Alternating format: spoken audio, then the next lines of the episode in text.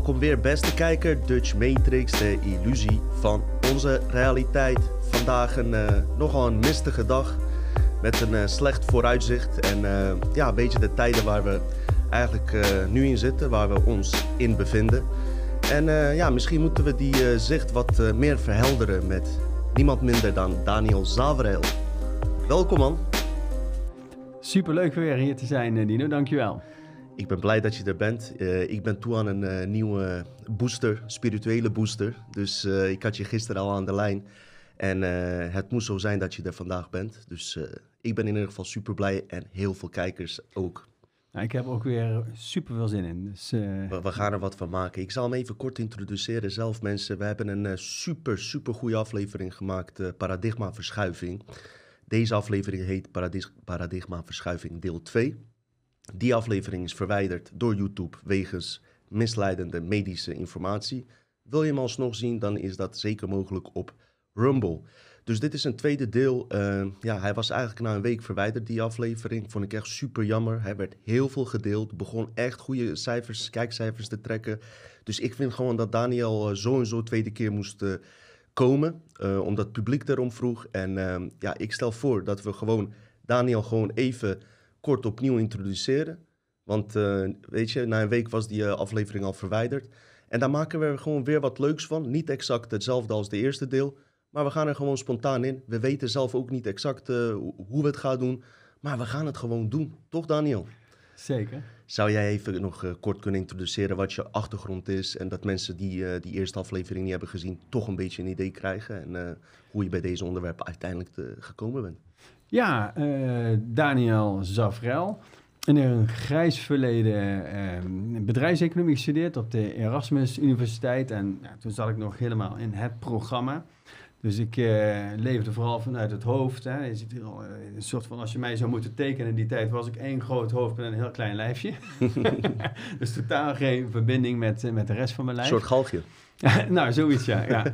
En dus daar, maar goed, ik, daar heb ik ook wel wat dingen geleerd uiteindelijk. Eh, daarna ben ik gaan werken bij eh, Accenture, eh, een groot Amerikaans adviesbureau, eh, zelfs het grootste ter wereld. En dan werkte ik dan change manager, dus het begeleiden van eh, veranderingsprocessen in bedrijven.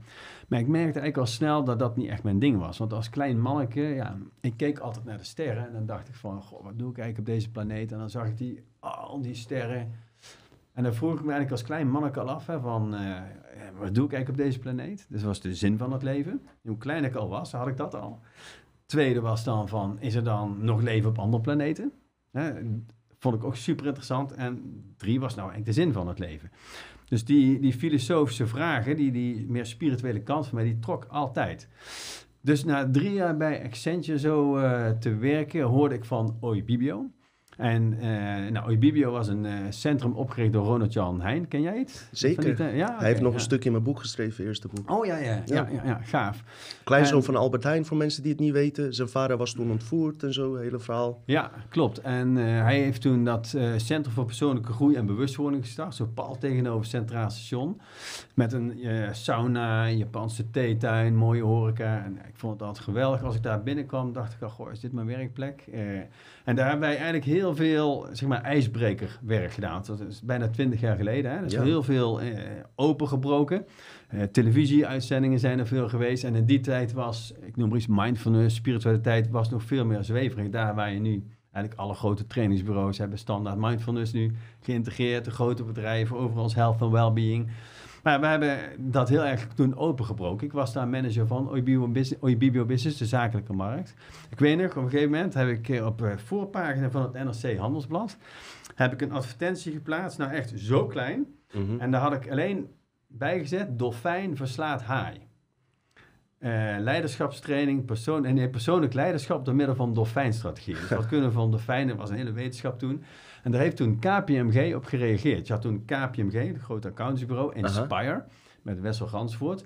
En toen heb ik hun leiderschapsteam hebben door die training, eh, die hebben toen die training gevolgd. En twee, we of twee weken na die training hebben zij een pagina grote advertentie in het NRC geplaatst van dat Oibibio-gebouw bij Nacht van een van onze trainingsbureaus. En het was toen best heel stoer, want ja, het waren nuchtere accountants en dan hè, je associëren met meer spiritualiteit is natuurlijk best spannend. Maar voor hun, zij waren ook inspired, dus zij moesten ook zeg maar vernieuwing brengen in, in, in de corporate wereld. Dus dat, eh, dat was de Oibibio-tijd. En daarna ben ik voor mezelf begonnen met Being in Business. Dat doe ik nu al 22 jaar, waarbij ik ja, trainingen voor bedrijven, topsport geef. PSV zag ik dat je... eh, ja, ook, PSV eh, en AZ. Welk jaar ik, was eh, dat dat je dat deed? Even kijken hoor. Ben, eerst heb ik bij AZ gezeten een jaar als mentorcoach met die Being Awareness technologie, waar we het vorige keer natuurlijk uitgebreid Mhm. over hebben gehad, waar ik zo'n speler dan helemaal van top tot teen kan scannen. Gaan we straks trouwens ook nog even Oh, over dat, is, hebben. dat is prima. Ik vind wel dat je dat verdient, want eh, die aflevering is te snel verwijderd. Dus vandaar dat we even opnieuw eh, Daniel introduceren. Daar hebben we het zeker nog over. Prima, dus nou hartstikke leuk. Dus daar, daar zijn we toen, toen wonnen we met AZ eh, de beker. Dat was eh 20 jaar eh, daarvoor geleden, dus dat was heel leuk. En daarna ben ik datzelfde bij PSV gaan doen. Ongeveer vier jaar, zo'n 16 spelers individueel begeleid. Ook de technische staf, allemaal als mentorcoach met die technologie. Mhm. Eh, nou, drie keer kampioenschap eh, mee mogen vieren. Dat is natuurlijk ook heel leuk. Eh Philip Cocu was toen nog trainer. Hè? En Toon Gerbrands, algemeen directeur. Super algemeen directeur vind ik zelf. Heel prettig mens, heel toegankelijk. Ja, ik, ik vind ik al een voorbeeld van een hele goede manager. Mhm. Eh, ook een heel openheid. Hij schrijft ook allemaal boeken. Hè? Succes, succescrisis en weet ik allemaal niet. Dus ook een heel belezen man. Nou, dat is eh, naar het PSV voor de rest. Heel veel trainingen bij grote bedrijven die ik geef. Bij Philips gaan we nu helpen met mensen reïntegreren, ook met die, met die technologie. Bij Accenture zit ik al een aantal jaren bij hun Truly Energize programma om mensen, hun, hun medewerkers te energizen. Nou, dan in de privéwereld ben ik getrouwd met Andrea. We hebben samen van elkaar zeven kinderen. Dat is eh super gezellig, ook heel druk. Hè? En eh, dus dat eh, al die dingen bij elkaar ja, zorgen ook dat ik hard aan mezelf moet werken. Ja. Elke dag weer, om ja, ook aan de goede kant van de streep te blijven. Dus alle dingen waar we vandaag over hebben, die pas ik zelf ook zoveel mogelijk toe. Ja, het blijft uitdagend, ook met natuurlijk ja, druk gezinnetje en alles. Ja. Die eerste aflevering, een vriend van mij, politieagent, die zei dat hij ook les van je heeft gehad. ja, ja Vroeger- leuk. Ja, ja, dat zei je. Hij grappig, herkende, ja. hij kijkt normaal nooit naar ons, maar hij zag volgens mij op Instagram, en zat, zag hij eh, jou eh, op die eh thumbnail foto, zag hij. Toen zei hij, hey, bekend gezicht, want je hebt ook aan eh, politieagenten... Ja, ja, dus de politie, even kijken, een jaar of zeven geleden bleek het onderzoek van Anderson Felix, onderzoeksbureau, dat de politie verminderd mentaal weerbaar was. En toen heeft Opstelten gezegd, nou, dan gaan we een training mentale kracht introduceren. En dat is heel indrukwekkend. Kijk, de politie, als ze dan iets willen, dan kunnen ze dat helemaal gewoon integraal uitrollen. Dat zie je bijna nergens. mhm. En dus er is een heel team vanuit de politieacademie toen zeg maar, geacquireerd om die training te geven. Ik was dan ook een van die, eh, die trainers. Dus ik heb, nou, ik denk een paar duizend eh, agenten daarin mogen trainen.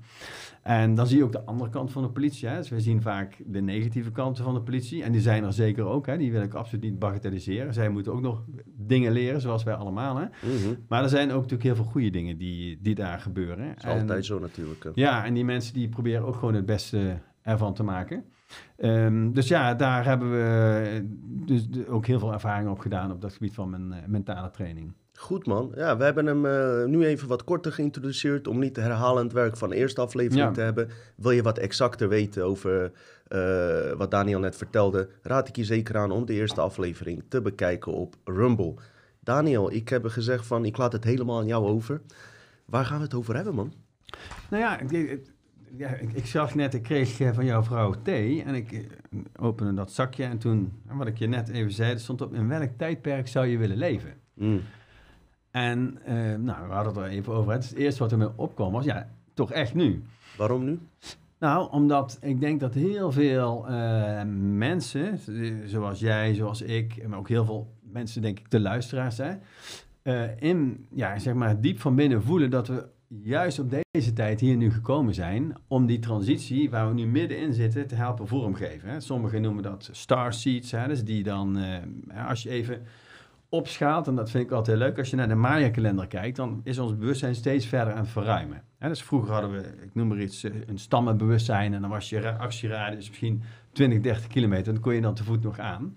Nou, toen kregen we dorpenbewustzijn, dat is het volgende stadium, toen stedenbewustzijn, misschien land, landen werden gevormd, landenbewustzijn, continentenbewustzijn. En nou, het internet heeft gezorgd voor planetair bewustzijn. Dus wij kunnen nu heel snel via Instagram of wat dan ook, kunnen we heel de wereld uh, bereiken, YouTube. Maar de hele volgende stap, die de Mayas uh, hebben voorspeld, is uh, kosmisch bewustzijn. En nou, kosmisch bewustzijn wil zeggen, joh, hè, misschien zijn we niet alleen in deze gigantische, eigenlijk wat ik als 12-jarig jongetje al voelde, hè, en dat is ook officieel een irrationele gedachte. Hè? Om te denken dat, er, uh, dat wij het enige leven op aarde zijn. De meer rationele gedachte is het zwermt daarvan het leven. Mhm. En dus als we gaan upgraden in ons bewustzijn van... joh, er is kosmisch bewustzijn... dan zou het ook wel eens zo kunnen zijn. En zeker als je dan ook nog gelooft dat, dat, dat de ziel regelmatig terugkeert... Hè, om te leren, te groeien. En nou, na de dood het enige wat je eigenlijk over had is jouw bewustzijn. Hè? Wat zijn de dingen die je geleerd hebt uh, in dit leven? En nou, zo um, is ook zeg maar wat je veel, dat veel van die, um, ja, noem het maar op een bepaald vlak bewuste zielen nu zeg maar juist zijn geïncarneerd van binnenuit om deze transities te helpen vormgeven. En nou, dat zou best wel eens zo kunnen zijn. En dus dan zeg ik, nou, in deze tijd. Want het is nu juist uh, de tijd om zeg maar lichtheid te brengen in de zwaarte. En hoe moeilijk dat ook is, hè? Want het is, het is best een zware tijd. Hè? hoorde gisteren nog uh, het aantal zelfmoorden onder jongeren 30 jaar 15% gestegen. Hè? Dan hebben ze volgens mij vergelijking met vorig jaar gemaakt. Ja. Maar ik zou wel eens willen weten, als we het vergelijken met drie jaar geleden, exact. wat het was. Ja. Misschien is de percentage dan nog groter. Ja, maar dat is natuurlijk, ja, is natuurlijk alarmerend. En uh, nou, om, om daarin, zeg maar, van hoe zou je daar nou in je mind beter mee kunnen omgaan? Dus dat vind ik ook leuk, ja. om wat met elkaar weer uit te wisselen. Echt de power van de mind ook, hè om, ja, noem het maar, ja, het licht, de frequentie licht te houden. Want je hoort ook heel, dat merk ik zelf ook, elke keer als je zo'n angstscenario hoort, hè, dan gaat toch weer even je frequentie omlaag. Hè, je moet je even je energie bijpakken van, want als je gaat verbinden met dat scenario, verlaagt je frequentie. En dus dan moet je altijd weer even harder werken om je frequentie weer te hoog te zeggen, nee, maar het zou ook zo kunnen zijn. En wat, wat ik steeds meer zie, hè, jij weet ook veel van kwantumfysica, en wat ik heel gaaf vind... Redelijk beetje. Het houdt niet op met kwantumfysica nee, natuurlijk. Nee. We weten zo weinig, maar het idee ja. uh, is ja. wel bekend, ja. Nou, ik heb, een, uh, ik heb eens een keer zes avonden in Bussum gevolgd over kwantumfysica bij uh, professor Pierre Capel. Mm. Ik weet niet of je wel eens van hem uh, Wel die naam horen vallen, maar nooit onderzoek naar zijn okay. werk gedaan. Ja, en hij, doet, hij weet ook heel veel van, uh, uh, van zeg maar, vaccinologie, van virologie. Dus daar heeft hij het ook heel vaak over. Maar zijn eerste les, wat hij ook zei, als je, als je beweert dat je kwantumfysica begrijpt, zei hij, dan lieg je. Mm, Want mm. hij is dan een van de grootste experts, maar hij zei hij zelfs, ik kan nog zoveel niet ik zeg, dat, ik zeg dat wel zo voor mensen die beweren dat ze de Matrix uit zijn. Uh, ja, ja. Weet je, hetzelfde idee van ja, ik heb de Matrix, ik ben eruit. Oké, okay, nou leg maar uit. Uh, wat het verschil dan is tussen jou en mij, dan uh, denk ik dan. Goeie maar vraag. Goed, maar dat is kwantumfysica eigenlijk ook zo. We weten zo weinig. Ja, en, ja, eigenlijk is het als je kijkt, wat ik heel gaaf vind in kwantumfysica, is zeg maar dat de wetenschap en spiritualiteit daar, daar samenkomen. Hè. Je zou kunnen zeggen, eigenlijk de taal van God. mm -hmm. nou, wiskunde is een taal van God. En uiteindelijk heel vaak wat mensen zweverig noemen, is gewoon onbegrepen dynamiek. Die wetten kennen wij nog niet. Het is een wet op een hoger niveau. Bepaalde wiskundige wetten, ik noem maar iets, heilige geometrie, is zo super complex. Als je kijkt hoe ons lichaam wiskundig ingenieus in elkaar zit. Dat is gewoon een hogere orde van taal. Van, maar als je denkt, nou, dat is zweverig. Nee, dat is niet zweverig. Dat is onbegrepen dynamiek. Er is niks zweverigs in het universum. Er is alleen maar perfectie en oneindige intelligentie waar wij niet aan kunnen tippen. En dat vinden we soms frustrerend. En dan noemen we het maar zweverig. Maar alles gaat exact zoals het moet gaan. En daar even daar terugkomen en over deze tijd. Hè. Kijk, wat, wat denk ik heel belangrijk is, ik besef dat ook steeds meer. Zit jij nu in de wereld of zit de wereld in jou? Hmm. En als je dat laatste beseft, is dat de uiterlijke wereld een reflectie is van jouw innerlijke wereld, dan is het dus heel belangrijk om op te passen wat jij denkt en welke woorden jij tegen jezelf zegt. Als jij je te veel gaat verbinden met negatieve scenario's, tak, zit je in dat frequentieveld. En kun je, als je daar blijvend energie, hè, je hart is 5000 keer sterker dan je brein, dan wordt dat een attractorveld. Mm -hmm. Hè, omdat je kunt oneindige parallellen, realiteiten door elkaar heen hebben. Je kunt in de Tweede Wereldoorlog leven, maar ergens in een mooi eh, bergje op Malta en dat je er helemaal geen last van hebt, omdat het niet in jouw realiteit past. Mhm. Daar vallen geen bommen, daar worden geen mensen gearresteerd. Je zit daar lekker met je groente en je fruitbomen en het zonnetje. En weet jij veel dat er ergens oorlog is, wijze van spreken. Hè? Omdat jij die frequentie manifesteert. Mhm. Als je dat heel sterk doet. Nou is dat makkelijker gezegd dan gedaan, hè? want je hebt ook iets als een collectieve realiteit. Hè? Eh, maar even sec, gez- sec gezegd, is dat wel een beetje waar we voor moeten oppassen. Want bijvoorbeeld de hele Great Reset is een creatie. Hè? Dat, is ook helemaal niks meer geheims in nu. Hè? Dat, dat Nee. wordt- die boeken zijn overal eh, te lezen. Maar het is een creatie van een hele kleine groep. Door nu onze eigen creatie daar tegenover te zetten, hè? een mooie vijfdimensionale wereld, waarbij er overvloed is voor iedereen, waarbij er vrijheid is voor iedereen, waarbij mensen met respect met elkaar omgaan. Dat is een veel gavere creatie dan dadelijk in slavernij met een digitaal paspoort, met een social credit systeem helemaal eh, bekrampt te worden. Dat Met zo'n virtual reality bril in metaverse eh, nog ingelogd ook nog uiteindelijk. Nou, precies, ja. ja en starseeds, hè, Ja. die van nature die, die vrijheid meenemen, die vechten daar vanuit hun essentie tegen. Ja. Hè, en eh, daarom vind ik ook super tof, hè, wat ik vorige keer zei, wat jij doet. Want ehm, wat jij doet is heel veel mensen wakker maken. En ik ben daar, ik kijk regelmatig ook naar de Dutch Matrix, hè, zo heb ik jou leren kennen. Zeker. En ehm, nou, dat zijn hele belangrijke dingen om, dat, om daar nu bewustzijn in te brengen. Ik vertelde net al, eh, voordat we begonnen waren, ik- wij proberen ook een beetje... Kijk, dit is allemaal... eh, jullie hebben zeg maar toen de tijd die Odibio... Dat was misschien wel een start een beetje hè, van het Mhm. spirituele en alles. Er zijn ook fouten gemaakt waar wij van kunnen leren misschien, weet je wel. Ja. En eh, ik probeer eh, samen met Simon en Ersan uiteraard ook een beetje te kijken waar onze plek hier zit in deze wereld, eh, in de podcastenwereld. We Ja. waren er vanaf één dag bij toen dit gebeurde. We waren de podcast al begonnen voor COVID. En ehm, we willen gewoon op een gegeven moment met de tijd mee zijn we gewoon aan het checken van wat gaan we in de toekomst doen. En ik heb gemerkt dat we eh, verschillende soorten publiek eh, hebben die je kijkt. Kijk, eh, je hebt Daniel Zavrel, gewoon een nette zakenman. Maar je hebt ook mensen die letterlijk van de straat komen. ja. Dus we hebben verschillende lichamen en toch iets gemeenschappelijks. En in de toekomst wil ik daar zeker iets mee gaan doen. Door bijvoorbeeld jou misschien vaker uit te nodigen en zeggen van... joh Daniel, vertel jij jouw kant, hoe jij, hoe jij erin staat. Mm. En volgende keer een totaal andere type persoon... die er fysiek misschien anders uitziet... maar van binnen wel... Eigenlijk zijn we, eh, hebben we heel veel meer connecties met elkaar. En misschien is Dutch Matrix wel... eh, goed om die eh, connecties van allerlei type mensen bij elkaar te laten komen. Ja, dat is juist super gaaf. Kijk, want als je zeg maar dit glas, hè, stel dat dit tussen aanhalingstekens de waarheid is, hè, je kijkt allemaal vanuit een ander perspectief naar dat glas. Dus ik kijk er zo naar, jij kijkt er zo naar. Maar daarom is het juist leuk om verschillende invalshoeken en perspectieven te hebben. Dat noemen ze ook dat verhaal van de Soefies, hè, dat eh, een groot olifant met allemaal blinde mensen. En de een die eh, voelt dan zo eh, die oren en die zegt, ja, dit is een mat. Dit is, dit is een mat, hè? ja, maar iemand anders die voelt, voelt zo'n grote poot en zegt, nee joh, dit is geen mat, dit is een boomstam. Hm. Nee, is een mat. En de ander voelt, nou, enzovoort. Zo voelen ze allemaal wat anders. Maar omdat ze blind zijn, zien ze niet dat het een olifant is. Als ze nou, Hm. zeg maar, al die dingen bij elkaar leggen en de puzzel even maken, nou, het zou wel eens een olifant kunnen zijn. Zeker. En ehm, dus daarom is het ook leuk dat je zegt dat je verschillende invalshoeken en verschillende mensen met verschillende. ja, Ik hoorde ook rappers hè, bijvoorbeeld. Nou, hoe gaaf, hoe muziek brengt weer op een hele andere manier eh, vrolijkheid en bewustzijn bij mensen. Ja. Dat kan heel snel in de harten komen. Zeker. En eh, kijk, ehm, je hebt rappers die er ook gewoon eh, vrij over eh, rappen. En eh, niet elke rapper is ook een goede spreker om in de podcast uit te Mhm. nodigen. Dat hoeven ze ook niet te zijn. Maar ze kunnen binnen drie of vier minuten een song maken die een betere boodschap weergeeft dan dat ik drie uur zit te praten. Maar wat mij opvalt, wat ik eigenlijk heel grappig vind en waar ik van sta te kijken, dat er ook hele stoere rappers zijn die, die zichzelf eh, voordoen ja, als soort van... mij kan je niks maken, mij kan je de mond niet snoeren, dit en dat. Maar ze durven eigenlijk, en ze weten donders goed wat er aan de hand is, maar ze hebben de ballen gewoon niet om, eh, om er iets mee te doen, omdat ze een record deal hebben of noem maar op. En dan heb je aan een andere kant heb je een Daniel Zavrel die bij Dutch Matrix zit, eh, een nette man die ook misschien veel meer te verliezen heeft dan al die rappers. Want in, hè, waar jij vandaan eh, komt met je werk, je hebt ook bepaalde mensen die je misschien vreemd vinden dat je hierover Ja. spreekt. Eh, wil ik alleen zeggen van, Eh, in mijn ogen heb jij veel meer ballen dan hun. Want jij hebt die vorige aflevering, heb jij in je eentje met je bloemetjesbloes uh, heel de kabal heb je genaaid.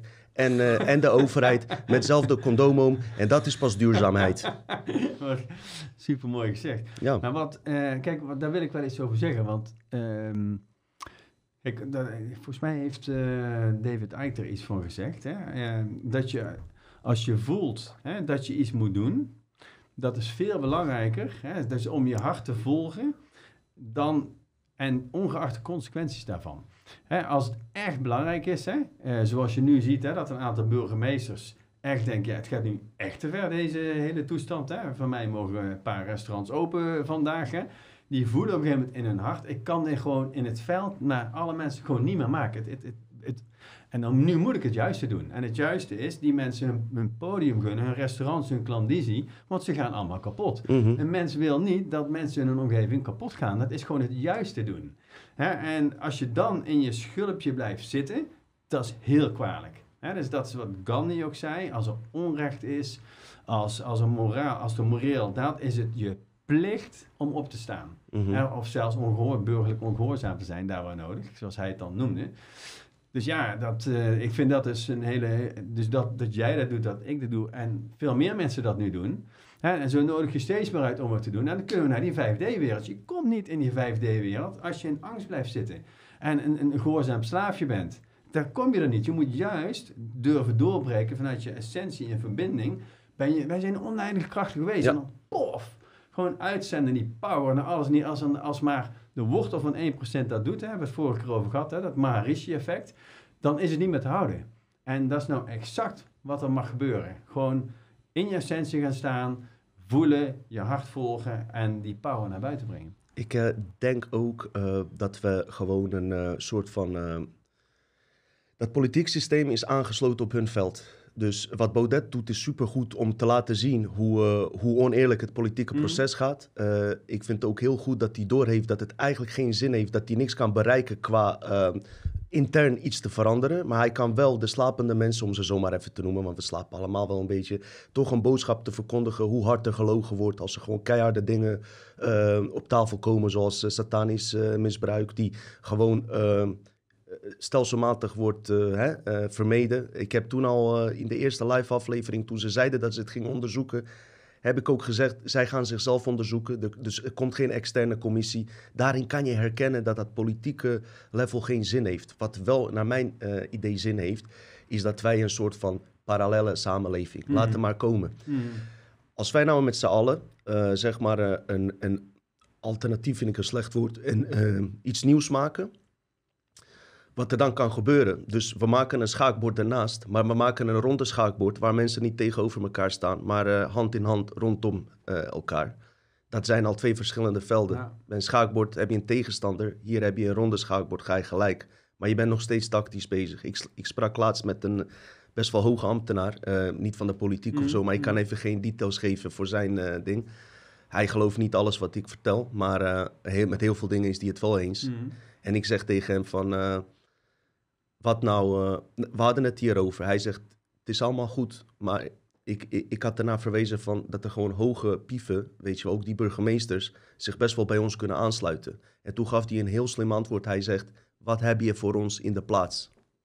Dus op het moment dat wij een goed voorbeeld geven, connecten en een mooie alternatief bieden, nieuw, een nieuwe, nieuwe wereld bieden, zullen ook mensen binnen de politiek en misschien agenten en de mensen uit de militaire diensten zich bij ons aansluiten. Maar ze moeten wel weten of ze met een serieuze groep te maken hebben of niet. Ja. Snap je? Wat vind je daarvan? Wat denk je, hoe denk je daarover? Nou ja, ik, ik denk die, die parallele samenleving, dat je gewoon, dat, dat is spijker op zijn kop, denk ik.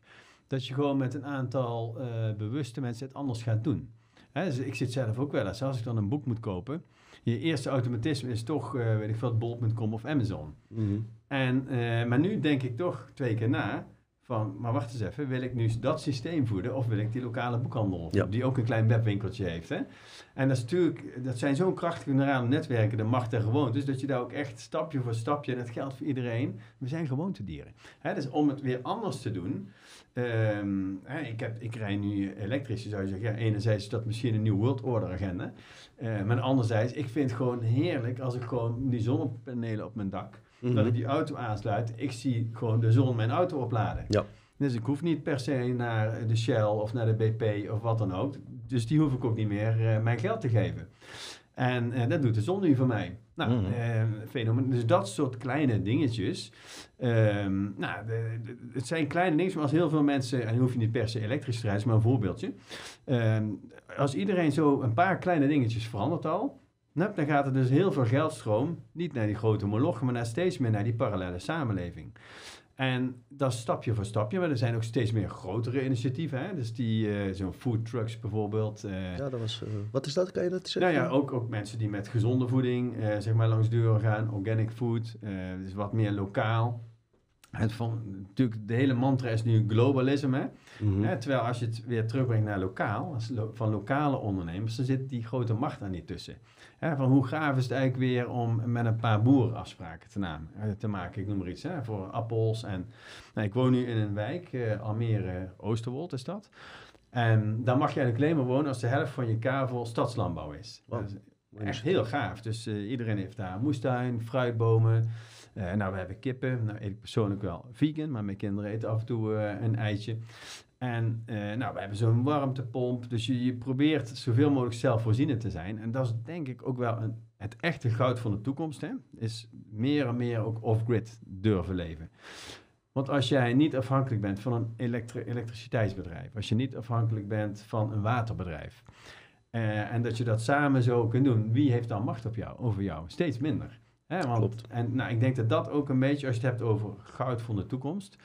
Ehm, maar dat is natuurlijk ook weer makkelijker gezegd dan gedaan. Kijk maar even hier omheen. Ja, probeer dit maar zelfvoorzienend te maken. Dat kan als je dat met z'n allen doet, maar dat, dat is best een inspanning. En het, het bevindt zich nog steeds in hun ma- machtsstructuur plaats. Dus Ja. eh, zo'n initiatief eh, van elektrische auto's, zullen zij altijd voor zorgen dat het toch weer via hun gaat. Ja. Waarom ik denk dat het heel goed is, en eh, die meditatie die we vorige keer hebben gedaan, weet je, zo'n groepscollectieve veld creëren. Ik weet dat heel veel mensen niet begrijpen wat ik bedoel. En ik moet er zelf ook nog veel over leren. Maar we moeten gewoon een soort van nieuwe eh, bronrealiteit maken waar we uit gaan voeden. Want we zijn nog veel te afhankelijk van een systeem hier. En die nieuwe systeem die we gaan invoeren, wat het mooie daarvan is, daar hoeven we eh, dat hoeven we niet te vragen. Dat, dat doen we gewoon. Ja. Daar dienen we ook niks te vragen. Ehm, uiteraard een systeem die niet gaat strijden, want dan zit je weer aan die reptiele veld aan.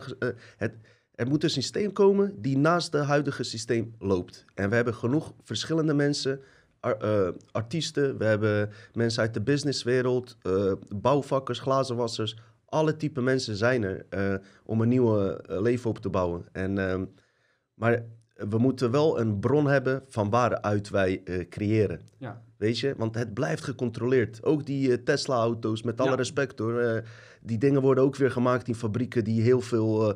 weet je, het is. Terwijl we energie hebben. Terwijl we niet een zonne-energie nodig hebben, ze hebben oneindige magnetische energie die ze niet wil uitgeven, Ja. snap je? Dus, jij, noemt, jij noemt Tesla, dat is wel leuk, want ik rij dus een Tesla. oh ja, ja, maar Goeie dat reclame. is dus helemaal waar wat je zegt. Hè? Kijk, en dat is nou net de strijd. Hè? En ik ben daar zelf heel eerlijk in, want ik, ik ben ook iemand in transitie. Enerzijds hou je van dat comfort hè, van zo'n auto. Ben ik Mhm. gewoon heel eerlijk in. Ik had, het was wel heel mooi, want toen ik bij PSV nog coach was, eh, ik heb nooit veel om auto's gegeven. Ik reed een oude, oude Seat Altea, eh, kwam ik daar eh, van, eh, zo'n Seatje van 10 jaar oud, kwam ik daar aan tussen al die Mercedes op de hertgang. ik denk dat ze ook wel een beetje moesten lachen. ja. Maar op een gegeven moment, omdat wij dus in dat Oosterwold gingen wonen, laadpaal, denk ik, nou, zonder een Handig. hele elektrische auto.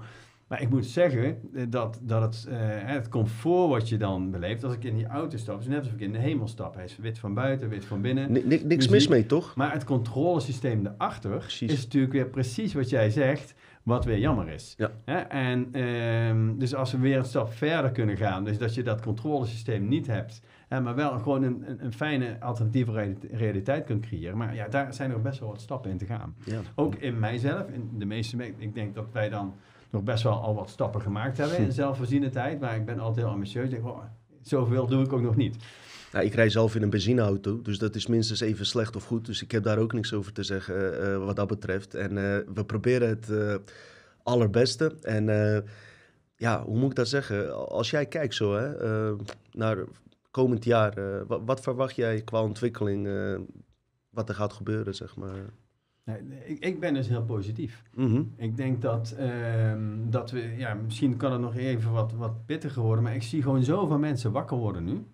Ehm, die, eh, die ja, eigenlijk steeds meer zien, hè, de dynamiek eh, die gaande is. En die zeggen, ja, maar dat wil ik niet en zo wil ik het wel.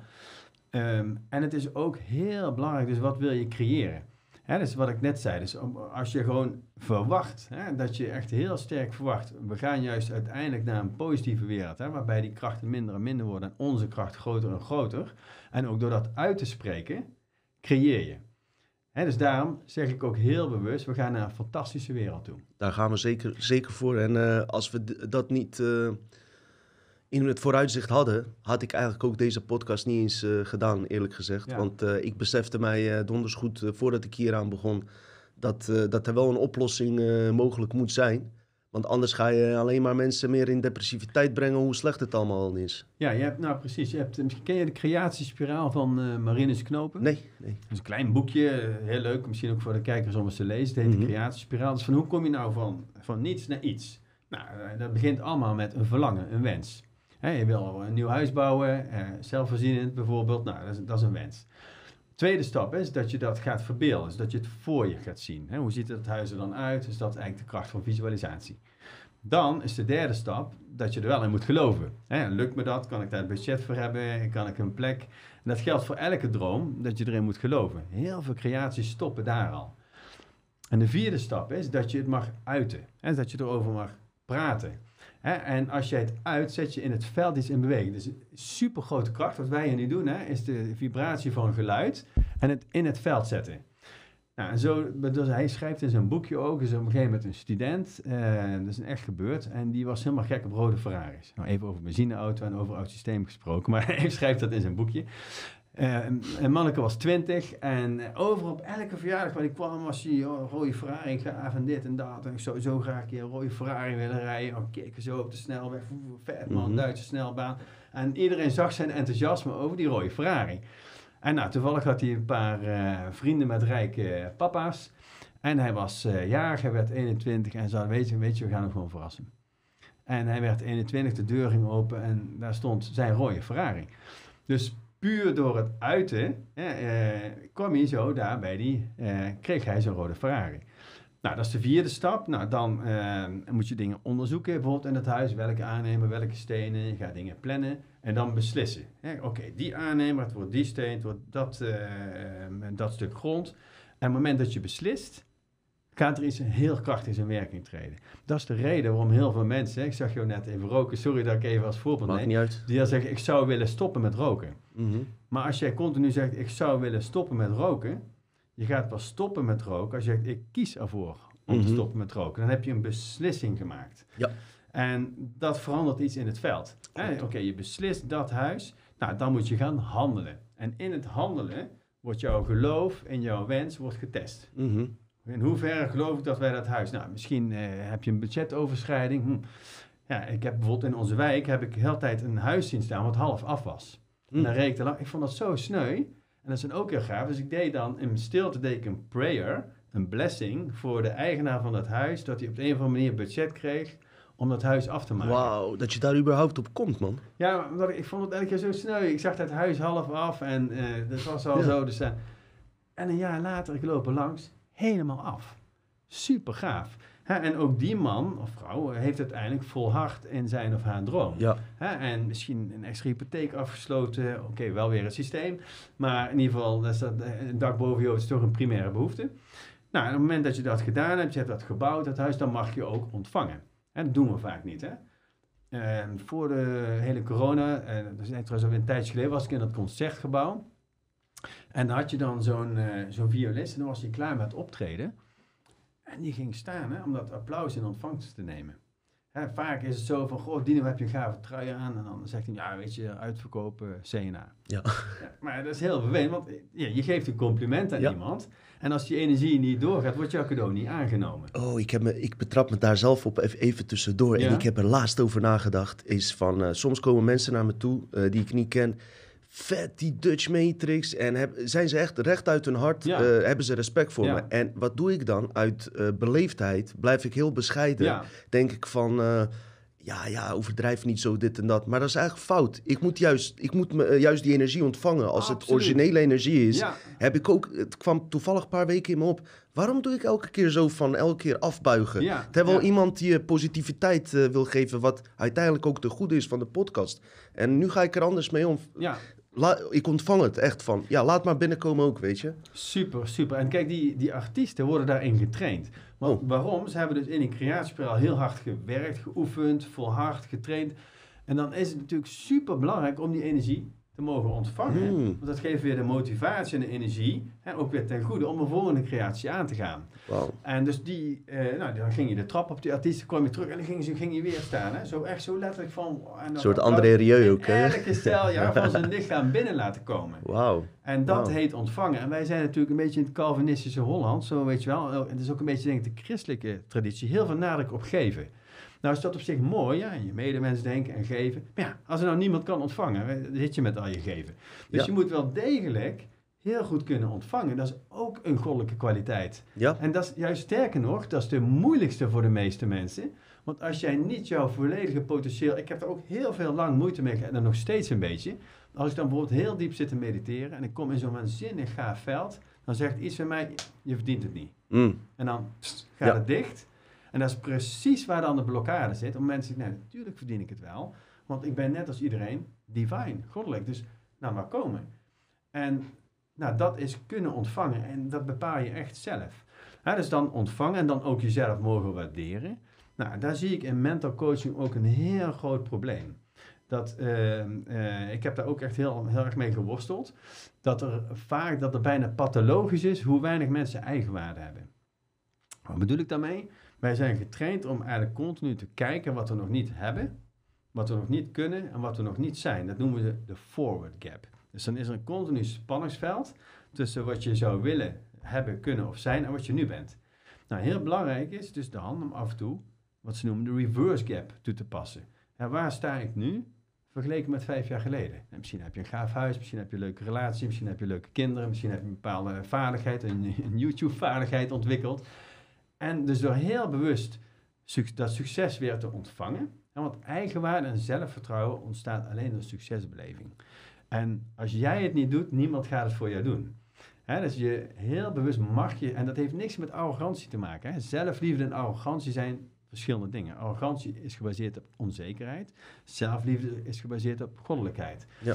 En op het moment dat jij dus dat succes bewust, dan ga je dus groeien in eigenwaarde.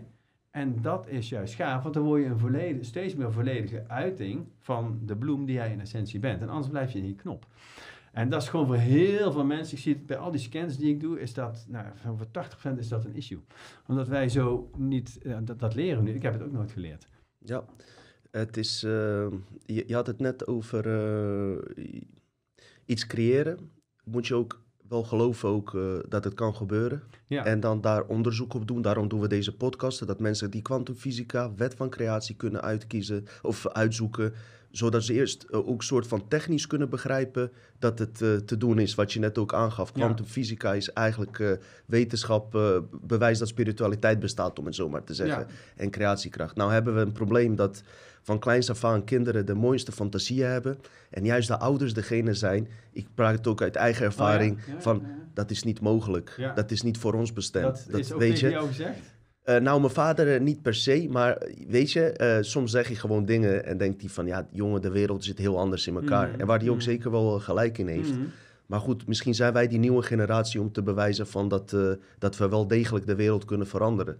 Ja. Want eh, van kleins af aan eh, zat ik altijd al te klagen over de wereld. ja, En mijn vader vertelde altijd, jij kan in je eentje niks doen. Ja, Maar ik hoorde David Dijk ook volgens mij zeggen van... eh, nee, in je eentje kan je niks doen, maar je kan wel een aanzet geven... en die sneeuwbal meer laten rollen, weet je wel. ja. Nou, kijk, en, en, en daar zit het hem al in. We besmetten elkaar. We besmetten onze eigen kinderen door te zeggen van iets kan niet. ja. Weet je wel? Ken jij eh, Vishen Lakiani ooit van gehoord? Nee, nee, nee. Eh, hij is de oprichter van Mind Valley. Nou, Mind Valley is het grootste online platform op het gebied van persoonlijke groei, eh, gezondheid.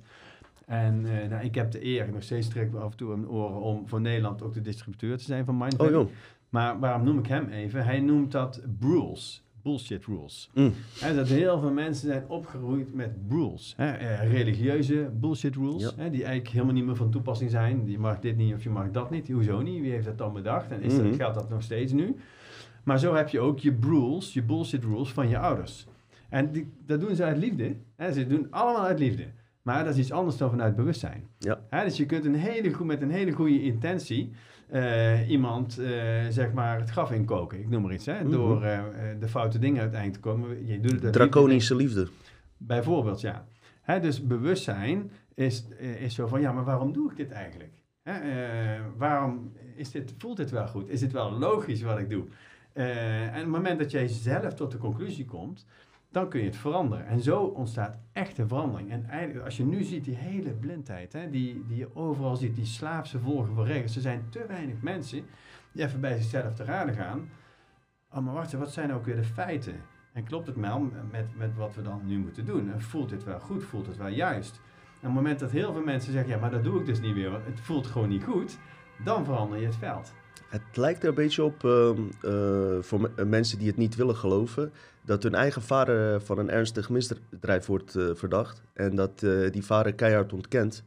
Maar ondanks alle feiten die op tafel liggen, geven ze toch hun eigen vader, zeg maar, voordeel van de twijfel. Terwijl de kans 5% is dat hij de waarheid spreekt. Waarom? Omdat, ik noem nou een voorbeeld van een vader. Laten we zeggen, politiek zien we als soort van ouder. Zo gedragen ze zich wel tenminste. Hè, als onze ouders. Zij komen ons vertellen hoe wij boodschappen moeten doen. En, eh, en hoe, hoe we veilig moeten Ja. leven of niet. Voor mensen is het gewoon eh, lastig om die knoop door te hakken. En te begrijpen dat ze eigenlijk in een eh, illusie leven. In, in een realiteit die compleet gescript is. En Ja. ehm, als je dat accepteert, betekent gewoon dat alles wat je hebt geleerd, zowat, gewoon niet meer van toepassing is. Dus, En dat is de grootste shock, denkt Daniel. Ja, dat is zo waar wat je zegt. Als, als je bijvoorbeeld kijkt naar artsen. Hè, vroeger heette het geneeskunde. Nou, tegenwoordig, hoe heet het? Studie? Medicijnen. Mm. Hè, en een gemiddelde arts krijgt, ik heb, ik heb een aantal artsen dat ook gecheckt. Hè, hoeveel, hoeveel studieuren krijg je nou in voeding? Bijna niet, twee tot vier uur. Hè, dus als jij, dat is dus eigenlijk shocking, hè? Hippocrates zei altijd, hè, vroeger van, let food be thy medicine and let medicine be thy food. Hè, dus laat voeding je medicijn zijn en laat medicijn je voeding zijn. Dus dat is ook een enorm, eh, enorme onbewustheid op, eh, ja, op wat, wat, neem, wat, wat ga je eigenlijk, wat drink je en wat eet je. En dat heel veel ziektes even los van stress ontstaan door een verkeerd voedingspatroon. En als artsen meteen met pillen gaan schuiven, eh, die symptoombestrijding, die soms heel handig kan zijn. Kijk, als ik mijn been breek, nou ja, Tuurlijk. dan is het wel handig als ik gewoon naar een westers en naar een ziekenhuis ga en Eh, met mijn been. Pijnstiller, bijvoorbeeld, Of als je een eh, precies. ongeluk hebt gemaakt, zitten we te smeken, Ja. moeten we ook eerlijk in Ja, zijn. dus ik, ik heb absoluut niks tegen de westerse geneeskunde. Het heeft heel veel goede dingen. Maar ik heb wel eens tegen de westerse geneeskunde als dat als het enige wordt gezien. En dat is heel mooi. eh ooit gehoord van Servan Schreiber, die eh, Franse psychiater. Sorry, maar ik moet weer nee zeggen. Maakt niet uit. dat eh, Daarom ben jij er, hè? Dus, ja, hij heeft een boek geschreven, dat heet Uw brein als medicijn. Hij is helaas overleden nu. En hij werkte samen met zes Tibetaanse artsen. Maar die waren ook westers artsen Mm. opgegroeid. En hij was heel mooi. Hij zei van, ah, wanneer passen jullie nou eigenlijk de westerse geneeskunde toe? En wanneer nou jullie oosterse, Tibetaanse geneeskunde? En ze zeiden meteen, nou, dat is heel simpel. Als iets acuut is, doen we meestal westers. Hè? Bijvoorbeeld die, eh, die, die, die kiespijn. Of, eh, maar als iets chronisch is, doen we onze oosterse geneeswijze. Want de westerse, zeggen zij, kunnen eigenlijk niet genezen. En dat zie je ook, al die onverklaarbare krachten. Alles neemt toe, diabetes neemt toe, hartziekten, het neemt alleen maar toe. dweilen met de kraan open. Ja, en als je niet naar de grondoorzaken gaat kijken, bijvoorbeeld de leefstijl. Hoe leeft iemand nou? Hè? En waarom zijn de meeste mensen die op de IC liggen, eh, even met alle respect, hè, maar gewoon soms mag je ook vanuit een rationeel punt iets noemen. Hè? Mensen met heel veel overgewicht Mhm. en een onbewuste leefstijl. Eh, en daar wordt niet naar gekeken. Hè? Waarom, eh, waarom schrijven ze geen eh, gezonde voeding voor, bij wijze van spreken, en een, en een, een fitnessprogramma? Hè, ehm, nou, en hij zei dus, dan gebruiken we onze oostergeneeskerk. En dan kijken, we ook naar iemands persoonlijkheidskenmerken. We kijken naar iemands leefstijl. We kijken naar patronen. We kijken naar psychische patronen. Want als we die aanpassen en met de juiste kruiden, voedingsmiddelen of andere eh, onder, ondersteunen, misschien naalden of wat dan ook, kunnen we iemand terug in een balans brengen, in een kracht en genezen ze.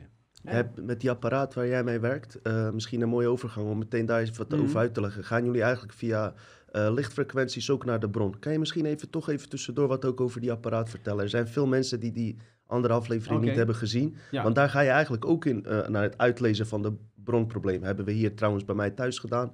Mijn vriendin was er zeer over te spreken. Ze heeft die magneet alleen twee weken maar gedragen in plaats van een maand. Maar ja, vrouwen, je weet toch. ja. Het was heel leuk, ja, met jouw vrouw toen. ze ze eh, zei, nee joh, hij irriteert mij. Ik heb dit blouseje en daar staat het hier niet bij, weet je wel. Ja, Dus, we hebben eh, nu ook hangertjes, dan hoef je het niet met zo'n nou, dat weet doen. voor de volgende Maar keer. even het principe even uitleggen, want dat was heel leuk met jouw eh, vrouw. Nee, dat is een hele geavanceerde technologie. Dat is eigenlijk ooit begonnen ehm, voor ehm, het in balans houden van Amerikaanse elitetroepen. En ehm, nou, de Russen hebben dat eh, via spionage, hebben ze dat verder overgenomen. Ook voor hun elitetroepen, maar ook voor cosmonauten. Het is natuurlijk heel duur om iemand met een maagsfeer uit de ruimte te halen. Dus ze wilden een soort van methode hebben die in een vroeg stadium al kon zien, hey, als deze Yuri, laat maar even Yuri noemen, deze leefstijl volhoudt, dan krijgt hij misschien een maagsfeer. Want we zien die voeding, we zien al in het bio-energieveld een verdichting ontstaan. Want eerst ontstaat iets energetisch, dan kan het zich steeds meer materialiseren tot in het lijf. Als jij een bepaald voedingspatroon of stresspatroon vasthoudt, de energie verdicht je uiteindelijk in de maag, heb je misschien die maagsfeer. Dus er zijn er is een miljardenproject geweest waarbij ze eh, in 50 jaar tijd heel het lichaam terug hebben weten te brengen tot frequenties. In de kwantumfysica, alles heeft een unieke frequentie. Dus deze steen hier heeft een andere frequentie dan dit water. Rood licht heeft een andere frequentie dan geel licht. Dat weten we allemaal, hè, het frequentiespectrum. Maar dus de botten, huid en de tanden die zitten op 1,8 hertz. De lever zit op 4,9 hertz. Onze hersenen zitten op 8,2 hertz. En alle substructuren sub, eh, hebben een eigen unieke frequentie. Nou, die technologie, dan heb je net als jij een koptelefoon op, dat is eigenlijk een triggersensor, een infraroodsensor, die stuurt zogenaamde biofotonen het lijf in. Stel naar die lever, 4,9 hertz. Als jij een duwtje krijgt, duw je terug. Hè? Dus je lever wordt even getriggerd, die triggert terug. Als je lekker in balans is, dus eh, die ontgift goed, die, eh, die maakt eiwitjes aan, dan stuur je dezelfde frequentie terug. Maar stel dat jij te veel whisky op hebt en die... eh, Gebeurt nooit hoor. en dan ga jou scannen. Eh, en die lever is even die alcohol aan het verwerken. En dan stuurt hij een ander signaal terug. En dat noemen we technisch entropie. Het verlies van energie en informatie. Dus stel, jij doet duizend jaar niks aan dit huis. Dan wordt het een ruïne. Want alles verliest van nature structuur. Dat noemen ze energie en informatie. Dus je moet dan energie van buitenaf erin brengen. Onderhoud bijvoorbeeld om die energie goed te houden. Nou, die alcohol is een vorm van te veel stressbelasting. Maar dat kan ook ingehouden woede zijn. Het kan ook zijn dat je elke dag patatje met mayonaise eet. Hè. Eén keer is oké, maar als je het elke dag doet, wordt dat stress voor die lever. Nou, dan gaat hij dus een ander signaal terugsturen. En dat is pure wiskunde, dat heet spectrografie. Dan gaat hij die frequentie vergelijken met die database die ze in 50 jaar hebben opgebouwd. Er zit gezond weefsel in, maar ook ziek weefsel. Er zit bijvoorbeeld een frequentie van een leververvetting. En dan gaat hij daar vergelijken. Met een kans van 95% hebben we hier een vervette lever. Nou, dan kun je dat ook weer helpen oplossen hè, door de juiste interventies eh, te plegen. Mm. Onlangs dat die aflevering snel verwijderd werd, had je aardig wat mensen eh, zijn er geweest bij je? Ja, ik heb toen eh, op het einde, omdat natuurlijk veel van jouw publiek zijn wakkere Ja. mensen. En die hebben het ook best zwaar. Hè? En als stars die dan meehelpen bij de transitie. Dus dan had ik inderdaad die aanbieding gedaan om, Ja. eh, voor, een, eh, voor een, eh, ja, een, een, heel vriendelijk tarief dat ze dan zo'n scan konden doen. Mhm. Ja, daar is ongelooflijk op gereageerd. En ik dacht, ja, er komen misschien zo of zoveel, maar het is echt Veel een tsunami van, Mooi, van mensen op gereageerd. En ik vond dat, ik zit natuurlijk eigenlijk alleen in bedrijven en Ja. bij topsporters. Dus het was voor mij een heel nieuw publiek. Superleuk, allemaal wakkere mensen. Dus je hebt in drie, vier eh, woorden heb je genoeg. Ja. En heel dankbaar ook hè, van wat, wat je in korte tijd dan bij iemand kunt zien, waar eventueel stress zit, balans zit. Voedingsschema. voeding op- ja, ja. voeding op maat berekenen. En, nou, eh, dus dat is, eh, was heel erg leuk om, om te doen. Dus misschien dat ik het einde van de uitzending nog een keer dat ja, wil je, ga je even zo'n aanbiedingen dan we eventueel het zoals vorige keer? Helemaal goed, als dat- ik het vergeet, help me even herinneren alleen man. Ja. En kijk Daniel, ik zit zo even te denken, hè. we hadden het net over die mensen die nu echt... eh, eh, ik heb hier in de buurt ook mensen die zich twee keer hebben geprikt en eh, die zijn er helemaal klaar mee. Met oud en nieuw waren we enige straat die naar buiten is gegaan ook. En het zijn mensen, er zitten psychologen tussen, leraren... allerlei type mensen, om het zo maar te zeggen. Ik vroeg nog van, ga je je kind nog vaccineren? Nee, ben je gek geworden? Ik zeg, waarom doe je het dan bij jezelf? Toen waren ze ook even stil, Ja. weet je wel. Ja. Nee, derde gaan we echt niet nemen en alles. Nou, als we even terug kunnen kijken naar de afgelopen twee jaar. En al die eh, negatieve termen als gekke wappies en al die eh, ja, eh, slechte dingen die over me- eh, ons worden verteld Mhm. op de mainstream media. Ehm, ik denk dat we zo en zo al eh, 2-0 voor staan. Want zij hebben onderhand twee eh, prikken gehad, wij nul. Nou komt de derde boosterprik, hoe ze dat zo mooi noemen. Eh, als je het mij vraagt, eh, staan de eh, eh, complotonderzoekers of eh, levensonderzoekers gewoon eh, nu al met 3-0 voor. Hoe zie jij dat? Ja, precies hetzelfde. Ik denk dat je super trots mag zijn als je een wappie bent. Ja, tenminste, dat is dan de naam, hè. Dus noem het maar even een anders denker, hè. Ja.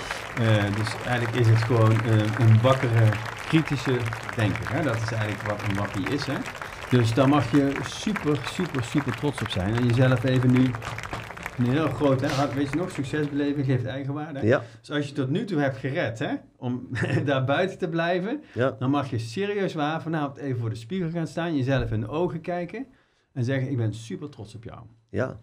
Want er is een enorme pressure geweest van alle kanten en waarschijnlijk ook van vrienden, familieleden, eh, van de kranten die je elke keer leest. Dus als jij in staat bent geweest om bij jezelf te voelen: dat is niet wat bij mij past, dat is niet wat ik wil. Als jij de power hebt gehad om daarvoor te gaan staan en daar ook misschien daarover te uiten, dan verdien jij nu een vette bos bloemen. En misschien een fles Chivas voor, de, voor hele goede Maar met maat. Ja, inderdaad. Ja, dus, en je ziet ook hè, dat één voor één, wat de, de zogenaamde complotdenkers vertelden, uit is gekomen. Mhm.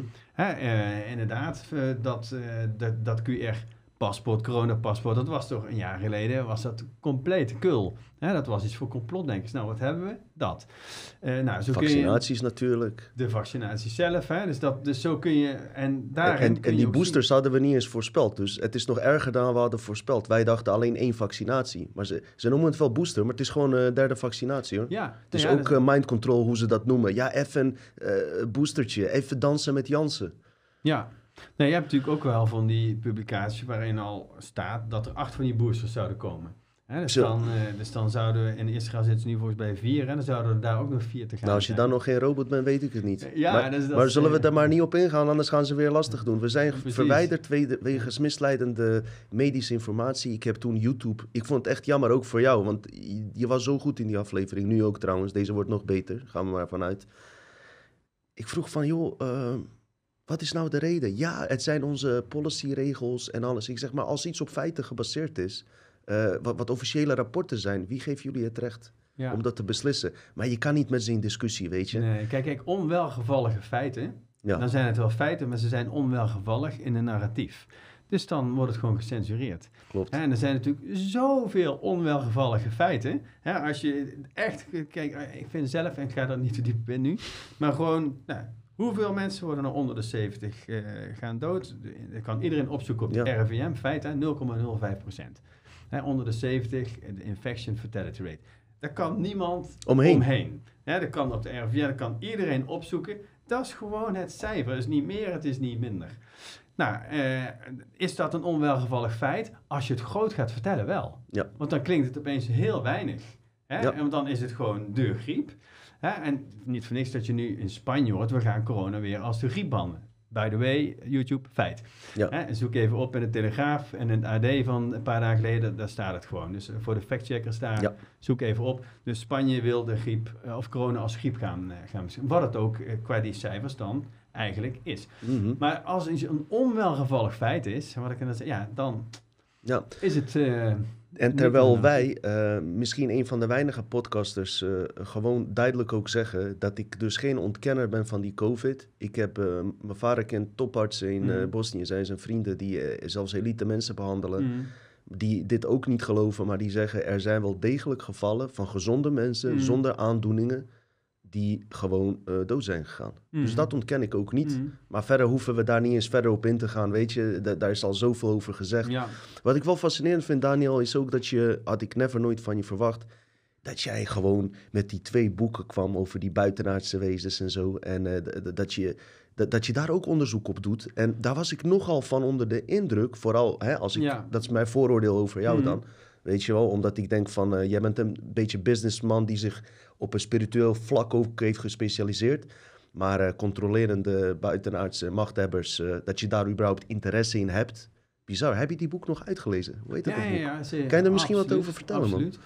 Ja, kijk, ik denk dat, dat dat is dus wat ik zei met die, die bewustzijnspyramide van de Maya's. Hè? Dus dat de hele volgende stap gaat worden, is kosmisch bewustzijn. En nou, om daar dan even op in te tunen. Dus als je inderdaad hè, even, even je mind opent. Oké, stel dat het zo is. Hè, dat, er, dat er heel veel ander leven is. Dan zijn er natuurlijk meer bewuste en minder bewuste wezens. En betere en slechtere wezens. Zoals je dat ook gewoon bij ons mensen hebt. Hè, je hebt gewoon enorme eh, ja, zeg maar, mensen die eh, zeg maar, tot, tot psychopaten. En super eh, ja, compassionele mensen. En alles daartussenin. Hè, nou, Ja. Zo heb je dat natuurlijk in het, in het grote geheel ook. En ehm, nou, dus als je op een gegeven moment gaat weten dat het, zichtbare, zichtbare spectrum, dus wat wij nu kunnen zien met onze vijf zintuigen, hè, 0,0005% is van het totale frequentiespectrum. Is natuurlijk een belachelijk klein realiteitsveld. Hè, dus dat er wezens zijn, dat bijvoorbeeld een kat of een hond iets kan waarnemen. Noem het maar even een energetisch wezen of een, of een overleden ouder of tante die even eh, komt. Hè. En dat een, een, een kat of een hond dat kan oppikken. Maar wij denken, ja, dat bestaat niet. Maar die, die kat of die hond, die neemt op dat moment een ander frequentieveld waar. En dus, dus in, als je zeg maar breder zou kunnen wakker worden... en je andere zintuigen zou kunnen openen... wat ik zeg, er is dus niks zweverigs aan, het is onbegrepen dynamiek. Hè? Het zijn allemaal dingen die we soms nog niet geactiveerd hebben. Dan is er een, zoveel potentieel en dingen die daarin kunnen eh, voorkomen... inclusief reptilians die soms in de 3D zijn, soms in de 4D, hè, die buiten het zichtbare veld zitten. En dus als je daarvoor opent hè, en dat je dan kijkt hoeveel mensen daar het niet over gehad hebben. Dat ze zelfs, ik heb eens een keer, ik weet niet of het waar is, zodat Poetin bijvoorbeeld in, in een koets zat met Queen Elizabeth en haar zag veranderen in een reptilian. Wow. En dan is het waarschijnlijk dat hij even in een shift van zijn realiteit kwam. Of dat zij haar hologram Haar frequentie, eh, ja. Kijk, op het moment dat je gaat zien hè, dus dat, in de, dat, dat deze materie helemaal niet bestaat. Dus deze microfoon geeft nu de illusie van 3D, van materie. Als ik er tegenaan tik, vertalen mijn hersenen dat als iets. Hè, en dat vind ik ook wel mooi hoe David Icke dat zegt. Kijk, als jij nu een computer hebt die vertaalt een signaal via het internet, zie je dat op je scherm. Nou, als wij een soort van biocomputer zijn, hè, vertalen wij onze, ons driedimensionale- verandert. Ja, en dan zien we opeens dit hologram. Ja. Nou, als jij dus zeg maar jouw frequentiespectrum verruimt, kun je dus op een gegeven moment, of als iemand zijn structuur verliest in een hologram, kun je daar opeens een reptilian bij zien. En ehm, dus daar ben ik, ik ben, ben ik me in gaan eh, verdiepen. En op een gegeven moment kon ik er eigenlijk gewoon niet meer omheen. Dus in het begin is dat best Ja. scary. Het is Ja. voor- als ik dit, dit is eigenlijk het moeilijkste verhaal, misschien jouw ervaring ook, hè? Mhm. Tot hier gaat het goed. Ja. Vanaf dit punt worden mensen zenuwachtig. Ja. En dat is nou net exact waar ze doorheen moeten. Want nu wordt het pas echt interessant. Want als jij hier niet doorheen durft en niet weet hè, van wie is nou werkelijk de controller van deze planeet al, al eeuwenlang, daar in ieder geval voor openstaan, dan blijf je dus hangen in dat oude verhaal. En zijn ze nou almachtig? Nee, natuurlijk niet. Wij zijn almachtig, net als elk wezen almachtig is. Jij, jij bent een super almachtig wezen. Hè, dus als je in de frequentie van angst, hè, van goh, en die, ja, ze zijn heel slim op intellectueel niveau. Hè. Ze, ze hebben, zijn waarschijnlijk al in die deep underground military bases met iPhone 20 bezig. hè, bij wijze van spreken. Dus op dat niveau, maar zijn ze, hebben ze een hart ontwikkeld? Nee, hè, er zit weinig compassie. eh, Ze zijn in. zelf ook besmet door het artificieel veld. Dat is vooral, vooral eh, brein, denkveld. En eh, dat is een vrij beperkt veld. Ook hoe intelligent die ook klinkt voor ons hier. Het kan niet eh, tegen hartsintelligentie op. Want dat is oneindig, Precies. Ja, en- hartsintelligentie. En deze intelligentie is wel heel sterk, heel breed, maar er zit een begin en einde aan. Hartsintelligentie kent, alles is ontstaan. Ook zij zijn ontstaan uit hartsintelligentie. Ja. ja, precies. En wat, kijk, het is soms natuurlijk ook in deze tijd heel moeilijk hè, om te kijken, was nou waar, was niet waar. Maar ik, ik zag laatst een eh, filmpje van een Engelse vrouw. Ik was daar echt van, eh, van in shock. En nogmaals, ik kan het niet uh, Met David Dijk nou, toevallig? Nee, het was ook gewoon op YouTube. was een vrouw die vertelde. en dat, dat is dan heel moeilijk voor mensen om te horen. Hè, want ik heb zelf dus zeven kinderen. Dat ze in, in de Windsor Castle als klein kindje daar naar de, de kelders zijn gebracht. En dat ze op gezette tijden dan eh, in een hunt terechtkwamen. Dus dan eh, moesten ze helemaal naakt Mhm. moesten ze op een eh, veld lopen en dan elite met paarden erachteraan en dan werden de kindjes gewoon afgeslacht. Behalve als je een bepaald lintje om had, dan vertelde zij, ze kwam dan van een bepaalde familie, wat zij dan noemde een satanische familie, Mhm. waardoor ze niet vermoord mocht worden. En, maar wel bijvoorbeeld misbruikt mag worden. En dat jarenlang. Nou, zij is op een of andere manier is zij daaruit kunnen ontsnappen. En dat vertelde zij dus daar, gewoon op straat met, met duizenden mensen eh, publiek. Ja, je weet niet of het zo is. En aan de andere kant, ja, hè, eh, of het is een complete psychopaat die vrouw om dat zo te vertellen. Maar soms kun je frequentie voelen. Ik kan, Ja. en- en, ja, als je gewoon met een ander niveau voelt, dan voelde je elk woord van die vrouw komt uit zo'n diepe pijn en uit zo'n diep trauma. Hè, dat in mijn beleving voelde dat als waar. Maar dat Ja. moet natuurlijk iedereen voor zichzelf bepalen. Maar zo hoor je natuurlijk steeds meer verhalen. En kijk, het punt is dat we ook het lef mogen hebben nu om dat onder ogen te zien. Maar eh, ook vanuit compassie zelfs daarna te kijken, hoe moeilijk ook. Want je weet niet wat je niet weet. Ook stel die reptilians die zijn er, hè, dan gaan we even, als ze dat even zeggen, nou, ik geloof inderdaad dat ze er zijn. Ehm, die, ja, die moeten eigenlijk, of die mogen ook nog spiritueel groeien. Eigenlijk, eh, het- compassieveld hebben ze te weinig ontwikkeld, waardoor ze continu in het paradigma van macht en controle zitten. Waarom dat ze continu alles willen controleren. Want als wij stijgen in frequentie, raken zij hun voeding kwijt. Klopt. Ja, want zij voeden zich met lage frequenties.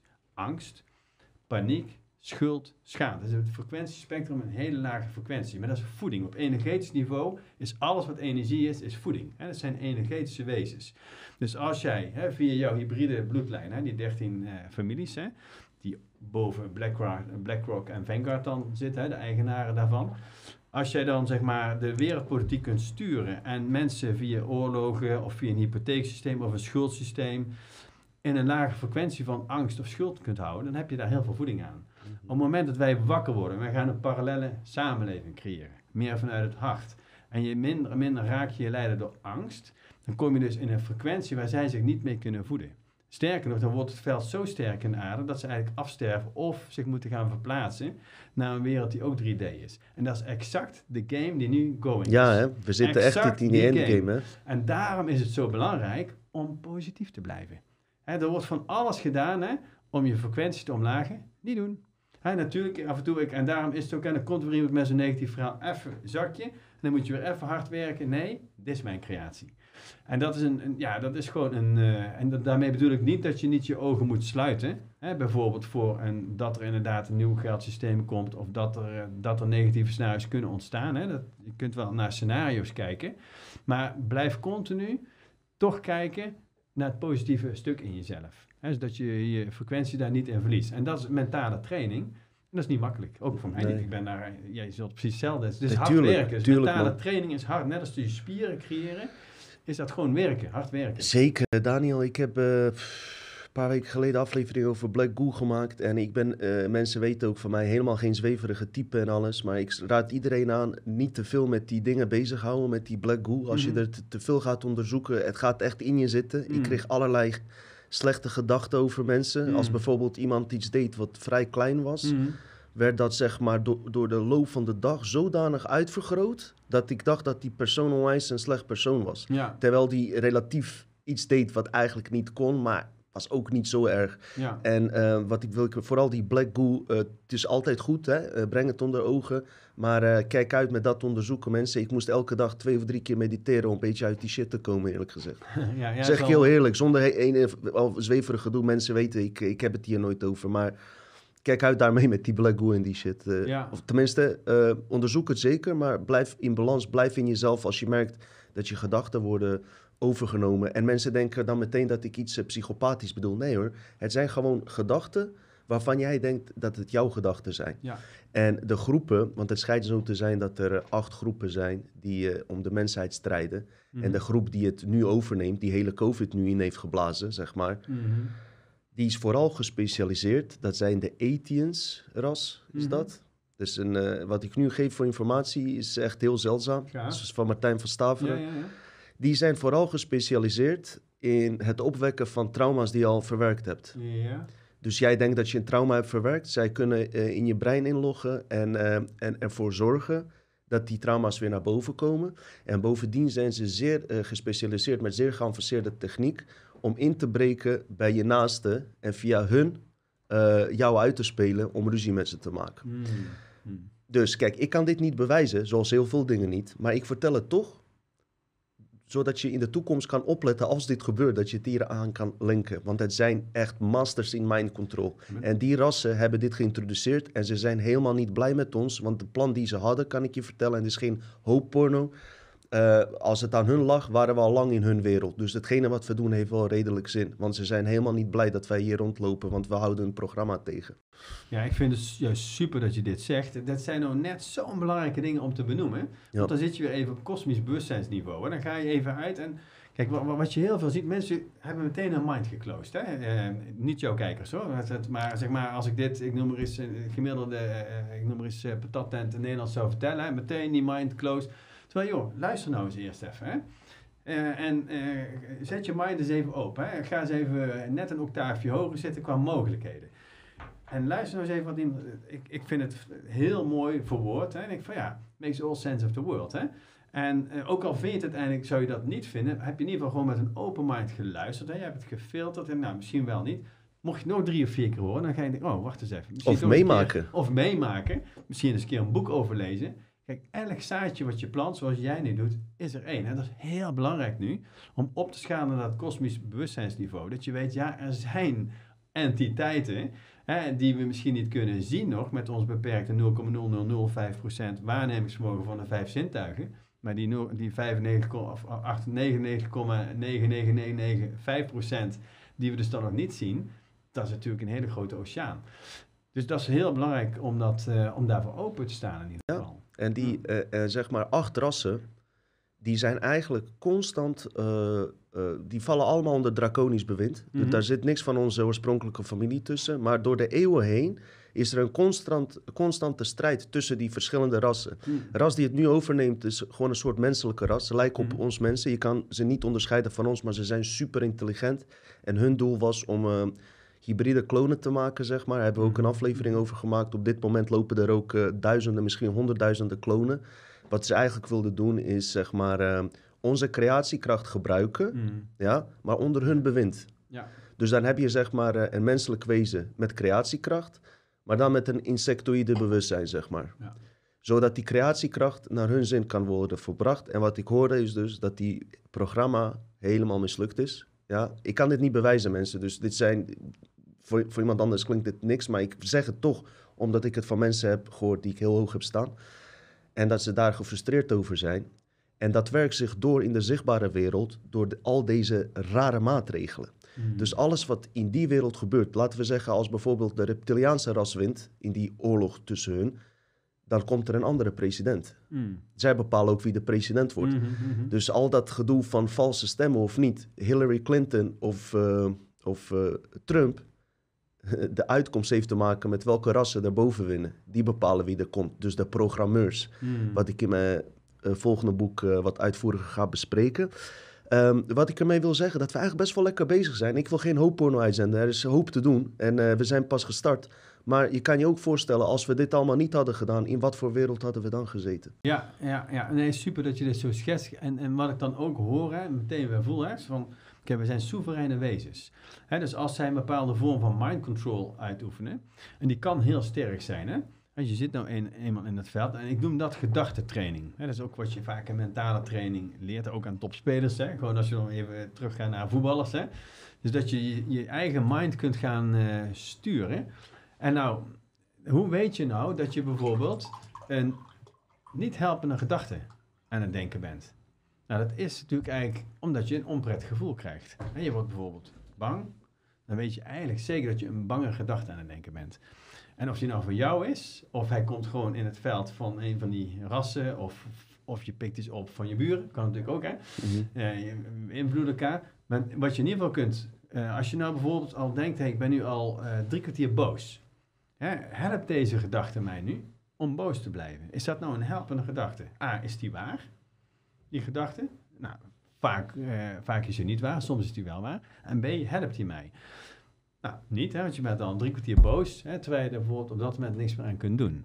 Nou, dat is dan het moment hè, om nou, wat we dan noemen mindful te zijn. Hè? Gewoon heel aandachtig te zijn met jezelf, hè, met wat je denkt, met wat je voelt. En wie dan ook wat bij jou naar binnen stuurt, daar zit jouw divine nature en die kan alles aan.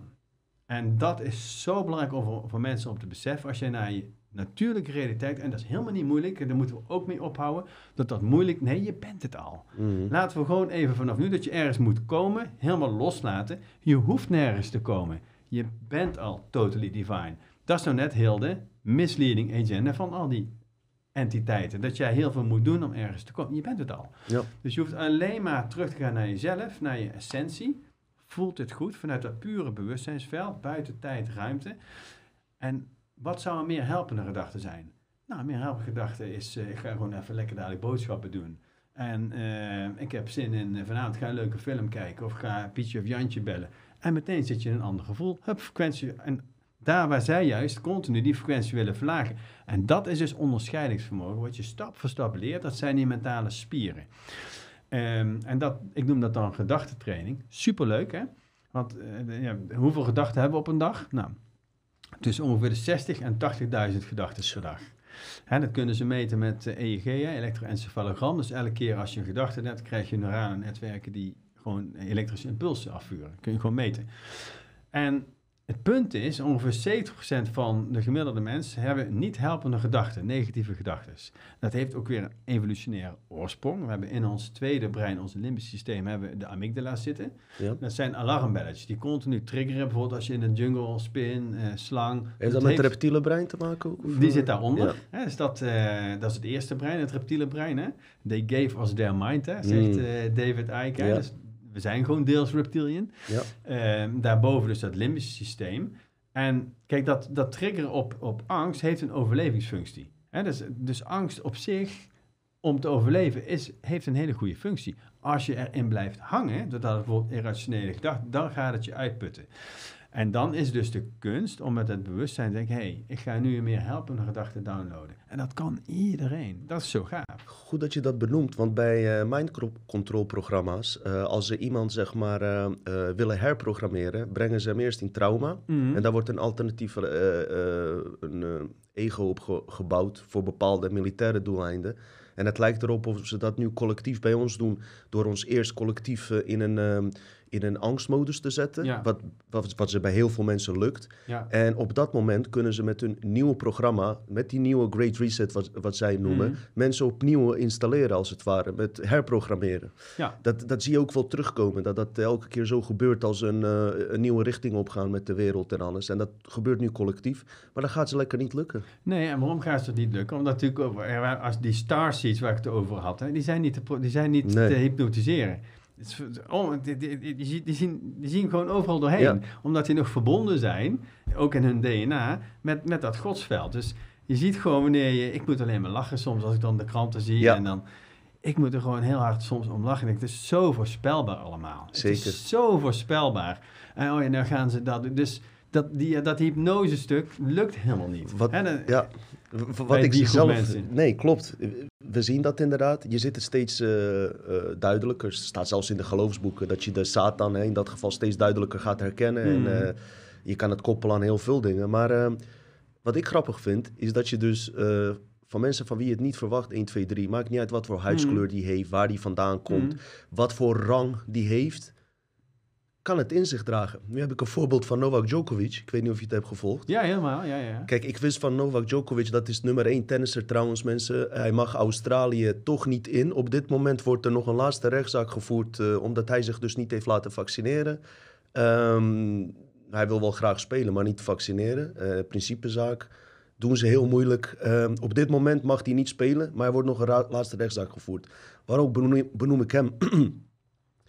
hij heeft hiermee echt een mooie statement gemaakt. Kijk, hij denkt niet alleen aan het geld. Hij heeft al 21 eh, Grand Slam titels Ja. binnengehaald.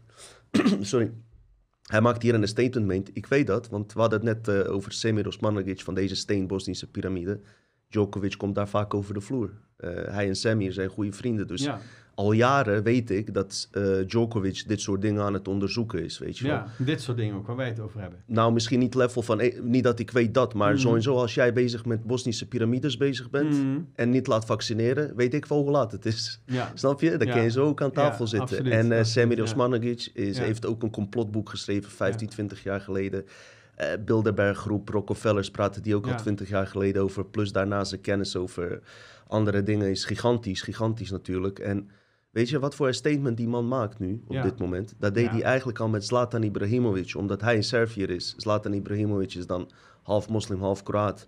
Na die oorlog zijn die twee vrienden geworden, zeg maar. Hmm. Wat, wat aan ons voormalige Joegoslaven echt een mooie boodschap heeft gebracht. Van wauw, de twee bekendste Joegoslaven van de wereld.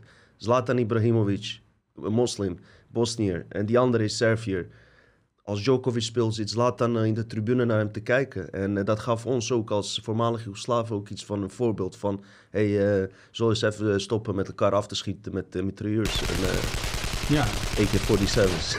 ja, ja. Hey, wat denk je dan, uh, Dino? Want je, dan, dan lees je ook een aantal van die berichten op Telegram. Hè? Ik weet dan niet wat ik daarvan moet denken. Daarom vraag ik het ook even aan jou. Dat je dan Djokovic, hè, elke keer met het... Uh, wat veel van die vrijmetselaars doen. Oh ja, doet hij dat met, ook? uh, ja, er zijn heel veel plaatjes. Dat Oh ja? die, deze, terwijl al die mensen zijn, dan zeggen Echt, mensen weer, hij is een, en hij heeft ook met een plaatje van een vrijmetselaars en zo. Dat zou ik moeten zien. Ja, dus, Ik dus dan is dat nu om ons weer in de wacht te brengen, hè? Eh, om, om dan zijn statement te ontkrachten, hè? Ja. Dat, dat het weer een spel is van de New World Order en dat hij ook een van hun is. Hè? Ehm, ja, dat, dat is dan. eh, maar Ik- die plaatjes heb jij niet ik- gezien, dus nee. dat ze al die dat Nee. overal op magazines dan zo staat afgebeeld, zoals heel veel van die. eh, Het, het kan zijn. Ik ga hem zeker niet verdedigen. Eh, ik zou dat ik eerst moeten dus zien. niet, dus ik.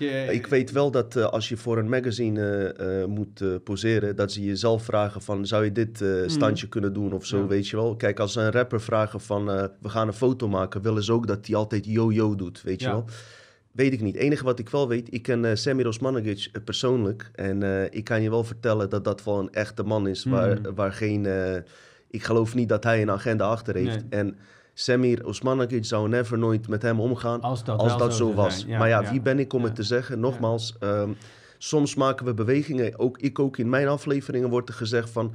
Hij doet, als ik bewijzen van zeg zo, dan doet hij de, de, de duivelse groet, weet je. Ja, natuurlijk. Je, ja, je kunt Maar overal iets van maken. Wat, wat dat poseren betreft, zou ik eerder zeggen dat gewoon degene die de foto maakt, die beslist hoe jij gaat poseren, niet jij. Ja, nee, dat zou heel goed kunnen. Maar misschien zijn er dingen die ik niet weet. Dus ik ga hem ook niet verdedigen. In, in die opzicht zou ik moeten kijken. Maar het, het statement wat hij nu heeft gemaakt. Mhm. Kijk, als jij lid bent. Ik, ik weet niet of die lid is van vrijmetselarijlosjes. Moeten we ook vanaf, weet je. Door mensen te beschuldigen als ze vrijmetselaar Mhm. zijn. Dat het allemaal complot satanisten zijn. Klopt. Dat is natuurlijk ook onzin, weet je. Mhm. 99% wat daar komt Is ook met levensonderzoek Ja, nee, klopt. bezig. Wat Zeker. trouwens heel veel overeenkomt met wat wij doen.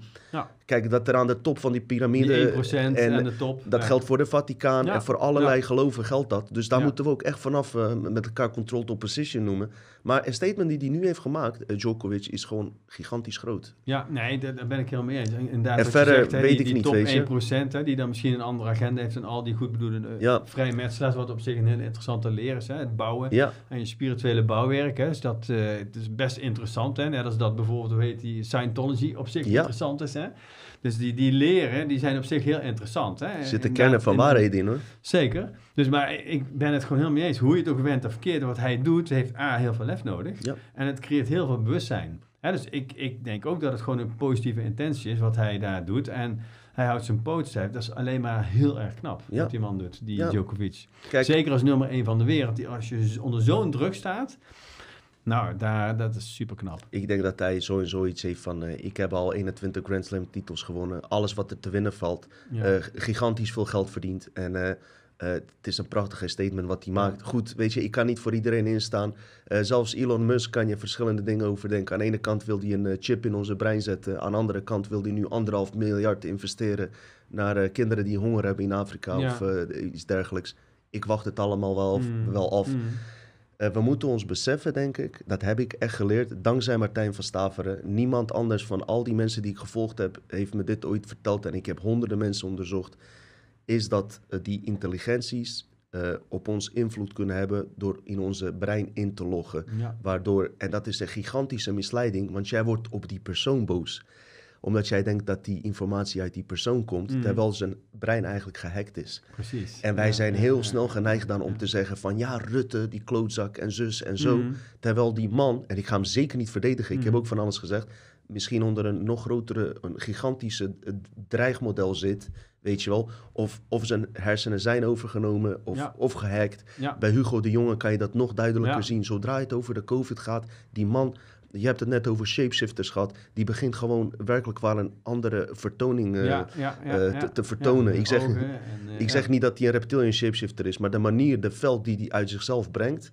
Al zou je zeggen, wie is deze man? Zonder dat ik hem ken, zeg ik, dit is een duister figuur. Mhm. Weet je? Ja, ja, En of die dat nou van oorsprong is, misschien is het van oorsprong super lieve persoon. Maar eh, eh, wat met zijn brein wordt gedaan eh, tijdens de eh, interviews en tijdens die persconferenties, Ja. is niet hij zelf. Hij wordt overgenomen. Ja, Daar ben ik wel van. die filmpjes van zijn ogen gezien. eh, of Oh ja, nou wel een paar. van Of van die eh, kook of zo lijkt Sigrid. Kaagman, eh, daar, daar heb ik ook echt mijn bedenk als ik af en toe naar haar Ja. kijk. Maar goed, weet je, dan, dan zijn we gauw geneigd om... Ik vind het ook niet oké dat, dat ze bedreigd worden, weet je. Dat Hmm. eh, mensen aan hun huis komen en alles, Nee. weet je. Ik, ik vind dat ook niet oké. Ik bedoel, die man heeft ook kinderen die er niks aan kunnen doen. Nee, maar dat, dat is helemaal Snap je? waar. Kijk, eh, eh, de, de, de, de non-violence power, hè, hè, de, die is uiteindelijk veel krachtiger. Want ook geweld heeft natuurlijk een lage frequentie.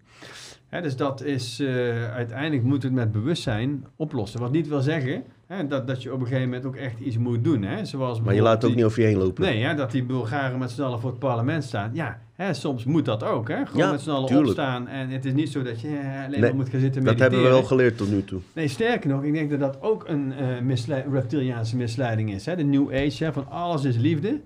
En eh, we gaan lekker op ons kussentje mediteren. Nee, soms moet je ook die, de mannelijke energie, hè, die, vind ik super verzwakt. Hè, waar vroeger mannen voor de stam gingen staan. En potverdomme over mijn eh, dead body dat jij hier, eh, hier Ja. binnenkomt. Dat is natuurlijk ook via een agenda helemaal verslapt en verzwakt. Ja, ze zijn gecastreerd. Ja, en eh, ik vind, dat vind ik wel mooi nog van landen als Kroatië, Servië. Die Ja. hebben die, die mannelijke kracht nog veel meer. Maar je merkt wel, Kroatië zit bij de Europese Unie een aantal Mhm. jaar, dat ze ook op de televisie daar, dat je st- steeds meer verwijfde mannen ziet. Daar heb ik op zich niks op tegen, maar Mhm. Eh, daar zie je ook wel die controlemechanismen die uit Tuurlijk, eh, ja. Europa is overgewaaid. Ja. Terwijl als je naar Servië en Bosnië kijkt, die zitten niet bij de Europese Unie, dat is wat meer Russisch-achtig nog, weet je wel. Blompotten, kapsels en kalasjnikovs en zo. Ja. Ken je, jij komt uit Tsjechië, hè? Trouwens mensen, dit is een- eh, jij, jij komt ook een beetje uit... Ja, mijn natuurlijke vader is? Tsjechisch, mijn moeder is Nederlands. geboren en getogen wel in Nederland, maar mijn vader komt uit Praag. Ja, je, zit niks aan. Ja, nou, in principe Tsjechen zijn ook wat lichter natuurlijk. Zijn niet echt per se eh Nee, donker komen ook blauwe ogen voor. Dus dat, Precies, eh, maar in dit geval komen ze wel van mijn moeder. Ah, Oké, oké. Mijn vader had bruine ogen. Ja. ja. In hoeverre denk je dat eh, jouw achtergrond misschien genetisch ook een soort van strijd, strijdkarakter heeft? eh, qua Ja. DNA, genetisch. eh, Ja. Dat je nu eh, toch zo doet als wat je doet, zeg maar. Want Nou ik blijf er nog steeds versteld van. eh, je, weet je, je komt uit een wereld. Hier, we hebben het net over reptilians gehad. Maar je kan me voorstellen dat je oude zakenpartners hebt die tegenkomen die denken van... eh, wat, wat zat je nou allemaal te vertellen daar bij die... eh, Ja, maar ze vinden het ook interessant. Kijk, je moet, je, moet, je moet ook beseffen, die mensen groeien ook door. ja. Ja, en kijk, ze weten als ze namelijk dat, dat ik gewoon een nuchter iemand ben, net als jij, die een gezin heeft, die een bedrijf voert, ja, daar moet je ultiem nuchter voor zijn. En dat zijn we ook allebei en heel veel mensen. De, het feit dat je nuchter bent, wil niet zeggen dat je een super open mind hebt en dat je wil groeien en dat je de lef en de power hebt om heel veel bewustzijnsrealiteiten te onderzoeken en kritisch, maar ook soms te omarmen als je er niet meer omheen kunt. Hè? Dus die mensen zijn natuurlijk ook niet gek. Die, die, vinden, die willen ook groeien. Dus ze vinden het soms ook heel interessant. Zo, misschien sommigen zullen het inderdaad meteen dismissen. Prima. Maar anderen, die denken, oh, dat is toch wel interessant. Dan heb je een superleuk gesprek. Hè? Met, ik heb ook soms met zakenmensen ook hoor. Vergis je niet, hè? in de groep zijn ze soms A, individueel sta je bij ze aan de bar. Nou, dan kun je hele diepe gesprekken voeren. Hoor. Dan zie je dat de twee eh, uit andere Ja, veld ja, aangesloten zij, op dat moment. eh, dat, dat heel veel is natuurlijk buitenkant aan imago. Hè? Maar we houden elkaar ook zo voor de gek, hè? Natuurlijk. We acteren ook constant ja. tegen elkaar eh, door, door als het binnen een bedrijf een heel ander persoon te zijn. Ja, dat zou ook verander- moeten veranderen eigenlijk. Precies. Uiteindelijk denk ik dat mensen het, het meest houden van authentieke mensen. En dat, want eh, stiekem willen ze dat zelf ook. Mm. Ja, want dan hoef je daar geen moeite voor te doen om, om een gezit op A, B of C. Oh, Dan ben je gewoon lekker jezelf. En ehm, dus als je met al, en eh, ook gewoon met, met jouw waarheid. Eh, dus dat kan ook heel erg inspirerend werken. En ik denk dat juist dat veld opengebroken moet worden. En wat doe je er voor, kwaads mee om bewustzijn te verruimen? Hè, Uiteindelijk. Eh, je brengt iemand alleen maar in een hoger stadium van geluk. Want als je bewustzijn verruimt, heb je meer keuzes. Hè, dan kun je kritischer kijken, dat wel. Je kunt je leven steeds meer designen zoals je dat wil. En dat, dat is ook iets, ik gaf laatst nog bij, eh, bij de, bij de HEMA training, Design Your Life. Oh. En dat vind ik ook een superleuk onderwerp. Hè? Dat als je kijkt nou hier naar deze microfoon, nou, of naar dat uh, gave bord, dat is eerst heel nauwkeurig gedesigned. Hè? Ehm, deze camera is heel nauwkeurig gedesigned voordat die gemaakt werd, de tafel. Dus eigenlijk alles is gedesigned.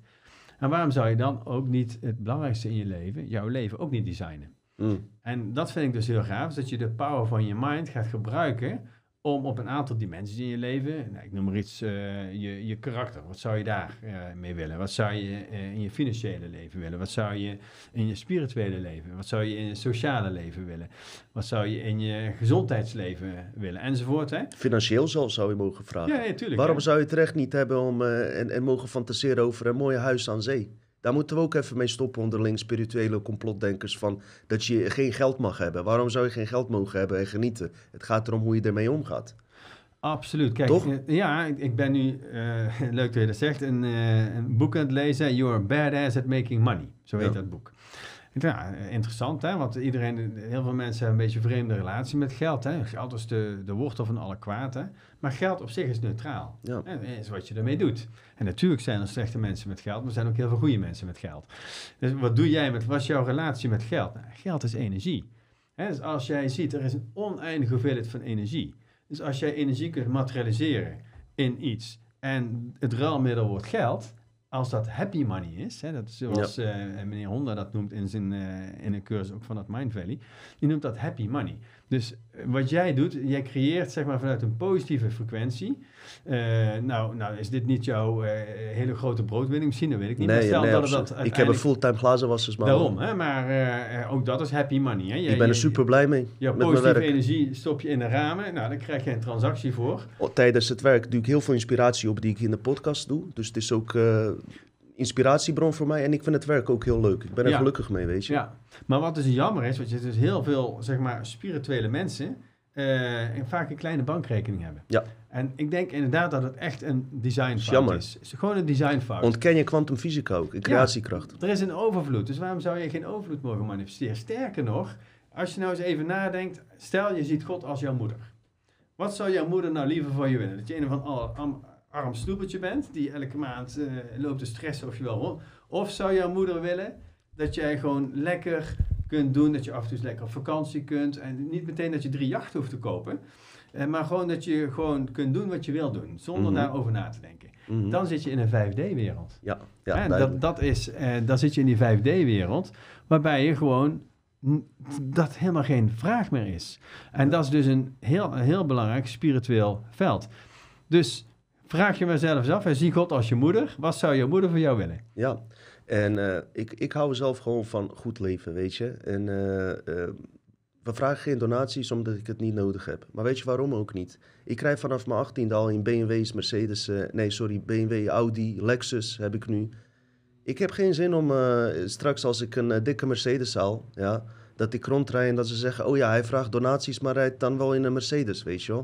Snap je wat ik bedoel? Ja, ja, ja. Daarnaast, eh, ik doe mijn werk fulltime. Ik heb een verdienmodel met mijn, eh, met mijn boek.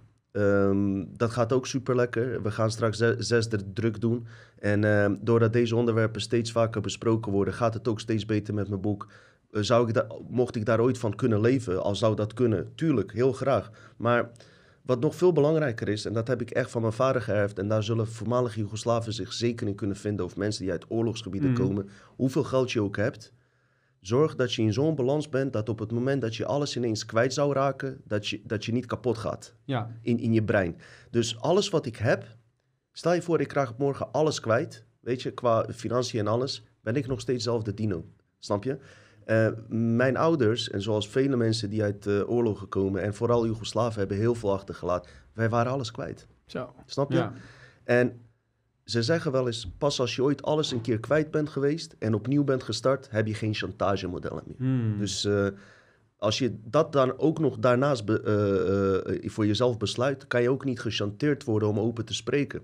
Want mensen die veel geld hebben en bekendheid hebben, waar we aan het begin over hadden, zouden op zich wel willen spreken. Maar de rappers zijn bang voor een platenlabel. Een andere persoon is bang dat hij van zijn werk wordt ontslagen. Daarom zei ik ook, ik vind het super tof van je dat, dat, dat jij hier gewoon, eh, gewoon eh, ongecensureerd eh, even eh, dit eh, vertelt. Ja, nou ja, nogmaals, eh, heel leuk om, eh, om daarmee bezig te zijn.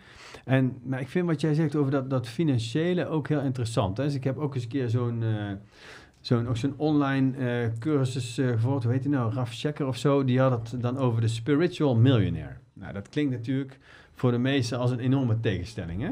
Spiritueel en miljonair. Voor mij persoonlijk niet, maar nee, nee, maar dus, in het algemeen voor mij wordt het wel zo, meer, ja. Hè, maar Ja. vaak mag dat op de een of andere manier niet samen Nee.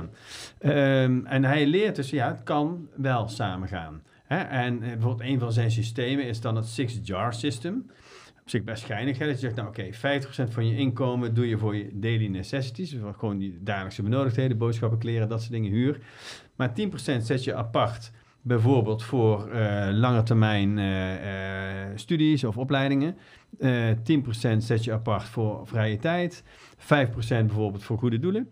Eh, ehm, 10% voor financiële onafhankelijkheid. Nou, als je daar vroeg mee begint, kan dat natuurlijk in de loop der jaren gaan, gaan ja, oplopen. En nou, dus zo heeft hij allemaal methodes van hoe je op een goede manier ook zeg maar in die overvloed kunt gaan leven. Ik ben ervan overtuigd dat armoede niet is wat een schepper voor ons wil. Nee. Want nogmaals, welke moeder wil voor zijn kind armoede? Elke moeder wil voor zijn kind in ieder geval overvloed. Dus dat is een programma, dat is een reptiliaans programma om ons klein te houden Mhm. en hun niet groot, En hè, weet je welke, zeggen. welke programma dat is? Eh, dat is Carmi's model. Want dan eh, een, een spiritueel persoon zou zeggen: Ja, eh, ik heb dit leven gekozen omdat ik in vorige leven zo rijk was. eh, dat ik daarom in deze ellende zit. Dat is een ook reptiliaans karmisch programma. Wat Hmm. eigenlijk helemaal geen waarde heeft als je vanuit de bronrealiteit bekijkt. Maar dat Ja. is ingeluid zodat mensen denken: van oké, dit heb ik verdiend. In mijn vorige leven was ik een klootzak. Dan ga ik maar niet verder onderzoeken. Leef ik dit leven verder? Heb ik mijn karma afgerond? Ga ik naar de naar de hemel, wat zij denken. Maar ze belanden in een nephemel. Heel, la- heel lang verhaal. Maar goed, daar dient ook even goed naar wo- te worden gekeken. En eh, heel veel mensen, die je nu ook vaak in de podcasten ziet... waar heel veel, gigantisch veel mensen naar kijken en zo...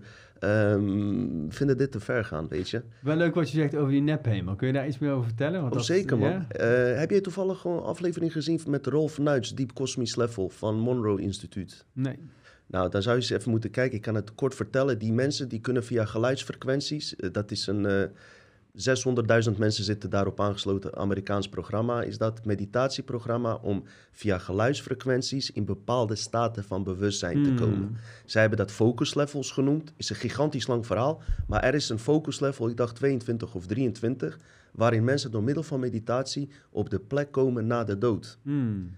En daar hebben ze onderzoeken gedaan en ze hebben onderzocht dat er een programma is. Hetgene wat jij hier gelooft, wordt daar uitgebeeld, Ja. holografisch. Ja. Maar dat is een misleiding nog steeds. Ja. Want je wordt doorgestuurd naar het licht, ja. die je in een nephemel brengt, die je Ja. onwijs goed gevoel Dus geeft. als jij gelooft in een Jezus-figuur... Komt Jezus. dan als je gelooft in, eh, in een Mohammed-figuur, dan Ja. komt Mohammed daar. En als je, athe- als je atheïst Ja. bent, komt er een eh, eh, familielid. Dus Ja, ze oh hebben ja, voor precies. iedereen Ja, ja, een, ja. een programma. Ja, ja, ja, Je ja, komt in ja. die nephemel, die gigantisch mooi is. Sterker nog, hij vertelde zelfs dat er mensen waren, nazi's, die overleden waren, die gewoon in een nazi-hemel terechtkwamen met Oh, allemaal nazi's. Dit is gewoon uitvoerig onderzocht Ja. eh, met het idee om je eigenlijk hier eh, weer terug te sturen met een nieuwe opdracht. En hoe breek je daar dan doorheen? Hoe Nou. zie je dus door dat, door dat gebouwde hologram heen, zodat je weet, hé, hey, dat is niet wat ik ben. Hoe kun je dan, net zoals in het Tibetaanse boek van leven en sterven, hè, dan heb je ook hè, in die transitie hè, dat je allemaal waanbeelden gaat zien en dat om zeg maar uiteindelijk de ultieme zelfrealisatie Ja. te gaan, hè, verlichting hoe ik het wil noemen. Klopt. Hè, dan wordt het in het Tibetaanse boek van leven sterven worden dit soort valkuilen ook allemaal beschreven, hè, valse hemels en dat soort dingen. Nou, Hamadi daar ook heen. zeven lagen van de argonten die je misleiden buiten onze dimensie om. Precies. En wat zijn dan de tips, Nou. hè, bijvoorbeeld die zo'n Monroe Instituut dan geeft, hè, om daaraan voorbij te gaan, om dat als de illusie te zien die het is? In dit geval ga ik tippen, want ik hoorde van dit eerst van Martijn van Staveren. Mhm. Maar het probleem is, die man heeft zoveel informatie dat ik eh, altijd een eh, soort van second eh, opinion erbij neem. Hmm. Want anders praat ik de hele tijd, heb ik van Martijn gehoord, van Martijn. Maar al deze dingen heb ik eigenlijk van Martijn. Maar dan ga ik het ook verder uitbouwen om te linken met andere mensen. Want ik hou er niet van, en hij ook niet trouwens. Dat, dat, dan is hij een soort van Jezus, weet je, die alles vertelt. Maar toch moet ik zeggen, ik heb dit van hem. En ook hoe hij zegt, want hij is ook in die staten geweest. Hij zegt het volgende. ehm, waar het eigenlijk om draait. Je lichaamcellen onthouden al je ervaringen in dit leven. Zij willen niet dat jij deze ervaringen naar jouw bronrealiteit mee terugneemt. Dus wat doen ze? Ze verleiden je met eh, hetgene eh, wat jij het meest gemist hebt in dit leven? En hij zegt, daar komt zo'n gigantische liefdeskracht in vrij, Mm. dat iedereen in mee wordt getrokken. Ja, eh, Ja? Maar wat doen ze? Dat is een externe afleiding eigenlijk. Wat je op dat moment moet doen, is naar, je, naar binnen naar jezelf gaan en zorgen dat je in jouzelf blijft en niet afgeleid wordt door die projectie. En jij zal automatisch wakker worden waar je in slaap bent gevallen, in de matrix waar die is ingeplucht. En dan heb je alle herinneringen heb je teruggenomen. En dat is je bedoeling geweest. Waarom? Omdat deze herinneringen van belang zijn. Deze wereld is jouw persoonlijke hologram. Er zit een storing in, verdieping met een storing. En eh, elke keer, dan kunnen we als het ware van de fouten leren hier. Wat zij doen met, die, met dat vals licht is jou misleiden. Zodra je met hun meegaat, worden die herinneringen gewist. Houden zij die herinneringen?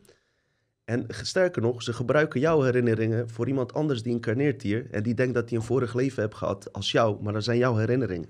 Dat is wel heel gaaf Dus dat heel concept zegt. van vorige levens dient helemaal opnieuw te worden. Hmm. En ik kan je daarbij vertellen, dat is de reden waarom je mij niet met grote namen hier zit werken, die honderdduizenden mensen viewen. Eh, ze hebben gigantisch veel boeken gelezen, ik heb respect voor ze en alles. Maar, eh, deze shit waar ik het over heb, gaat gewoon een stap verder en ze kunnen het niet handelen. Er zijn grootste namen die zitten in de podcasten, die zeggen van eh, je moet voor alles openstaan en alles. Maar eh, dit kunnen ze, kunnen ze gewoon niet handelen. En dat moet ik gewoon eerlijk zeggen, zonder enige arrogantie. Ja, ja, super Ik vind het supergoed dat jij hier wel voor open staat trouwens. Ja, zeker. En de vraag die ik dan ook meteen heb, hè, is van hoe... Ik heb daar, eh, misschien is dat gewoon even leuk als uitwisseling. Die argonten, of die reptilians, die creëren natuurlijk een waanzinnige lading karma. Eh, als eh, door de jaren heen, oorlogen, alles continu.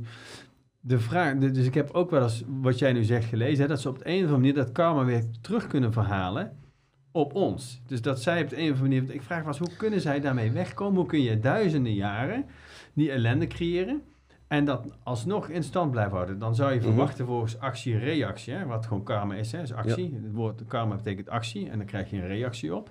Hè, wat je zaait is wat je oogst. Nou, zij zaaien eh, heel veel ellende. Dan zou je zeggen, nou, dan zullen ze zelf toch een keer ellende moeten oogsten. Precies. Dus hoe, creë- hoe krijgen zij het voor elkaar Hm. dat op een of andere manier dat karma op mensen weer wordt verhaald, dat mensen oneindig moeten reïncarneren? Hè, voordat ze uit het wiel stappen, hè, volgens de Tibetaanse eh, filosofie. Hè, ook, ook de Hindoe- Hindoeïstische filosofie, hè, dat je uit dat wiel stapt van Maya, illusie, matrix. En dat kan soms natuurlijk. Ik, ik heb een keer bij een spirituele leraar gezeten in India. En dan, eh, eh, om dat nog even iets verder te vertellen. Eh, hij heette Papaji Punjaji. En hij vertelde op het moment van zijn realisatie, zag hij al zijn levens terug. Dus hij zag hoe hij begon als, eh, zeg maar, een mineraal. Mhm. En naar verschillende mineralen. eh, wormpjes, insecten, eh, nou, zeg maar, muis. En uiteindelijk heel veel levens als mens. En het leven voor dit leven, vertelde hij, was hij een, een yogi. Mhm. Die zijn adem zo kon controleren dat zijn hartslag bijna stil werd.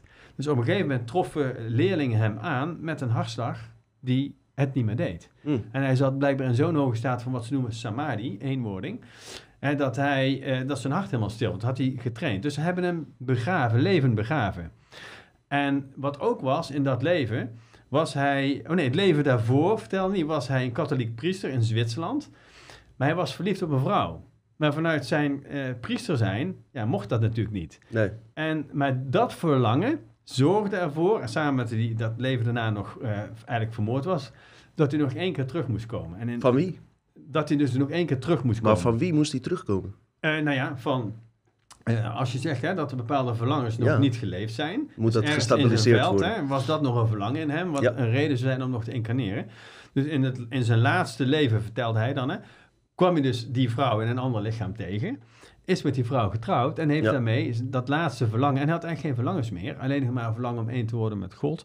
En is toen die, en net als Boeddha dat heeft meegemaakt, die, totale realisatie waarbij hij alle illusiesprogramma's heeft verlaten. En één was met het al, hè, of met het niets, het alles en het niets. En kijk, dan ben je voorbij al die programma's gegaan. Maar ik, ik ben dus even heel benieuwd hoe jij dat ziet. Hoe die uh, argonte reptilians met Ja. al dat gezaaide karma weg kunnen komen. Wat is jouw kijk daarop? Mijn kijk daarop is heel simpel, omdat karma eigenlijk niet bestaat.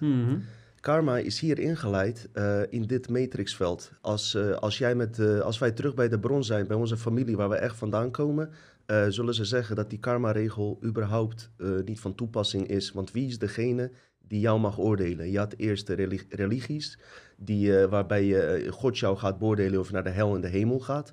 Inmiddels is menselijk bewustzijn wat meer uitgebreid, waardoor ze eh, New Age en spiritualiteit hebben ingebracht. Maar ik kan je vertellen, in mijn onderzoek heb ik ontdekt, en dat is de reden waarom mensen met mij niet willen samenwerken, grote mensen zogenaamd, is dat ik zeg dat die hele karma, dat idee, nog steeds van reptiliaanse groepen is. Mm. Waarom? Je zegt net, waarom hebben reptilianen, doen ze zoveel kwaad? En wordt, hun karma, eh, wordt, wordt er niks met hun karma gedaan? Simpelweg omdat het niet bestaat. Mm. Wat ze hebben gedaan, eh, eh, wat ik net vertelde, al die vorige levens die die man heeft geleid, dat zijn niet zijn levens. Dat, dat is ingeprogrammeerd bij je geboorte van andere mensen. En ik kan natuurlijk niet bewijzen dat dat zo is, maar ehm, wij eh, zijn nooit een microop geweest of een aap. Of, dat, is, dat is gewoon een theorie om ons te laten denken dat we in een evolutionair proces zitten. Mm, mm. Ja? Dus daarom worden dit soort via hele geavanceerde technieken allerlei herinneringen in ons geplant die wij niet zijn. Of als ik of jij overlijden, onze informatie bij iemand anders wordt ingeprent en dan denkt hij, hé, hey, in mijn vorige leven was ik die eh, Daniel Zavre of Tutankhamon, weet je wel? Hoeveel mensen hebben wel niet gezegd dat ze Tutankhamon zijn Ja. en eh, dat, soort, Ja. dat soort dingen. Dus eh, waarom hebben ze dat gedaan? Karma, dat proces hebben ze erin gezet zodat je gewoon vrede gaat hebben met hoe kut je leven is. En eh, achterover gaat zitten en denken van als ik mijn karma afwerk, dan, is dat, dan komt het wel goed. Maar dat betekent niet dat we geen vorige realiteit hebben meegemaakt.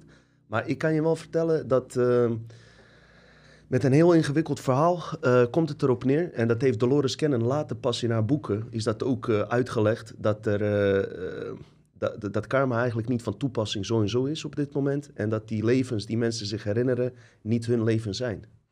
En kijk, dat is weer iets wat mensen, dan, dat haalt hun hele geloofssysteem onder, omdat ze drie, 400 boeken hebben gelezen, maakt verder niet uit. Maar dat is juist gaaf. Kijk, wat- En daar willen ze niet op in. Kijk, wat ik heel leuk vind en interessant vind in dit verhaal, niks is zo, eh, vaak zo moeilijk als loslaten.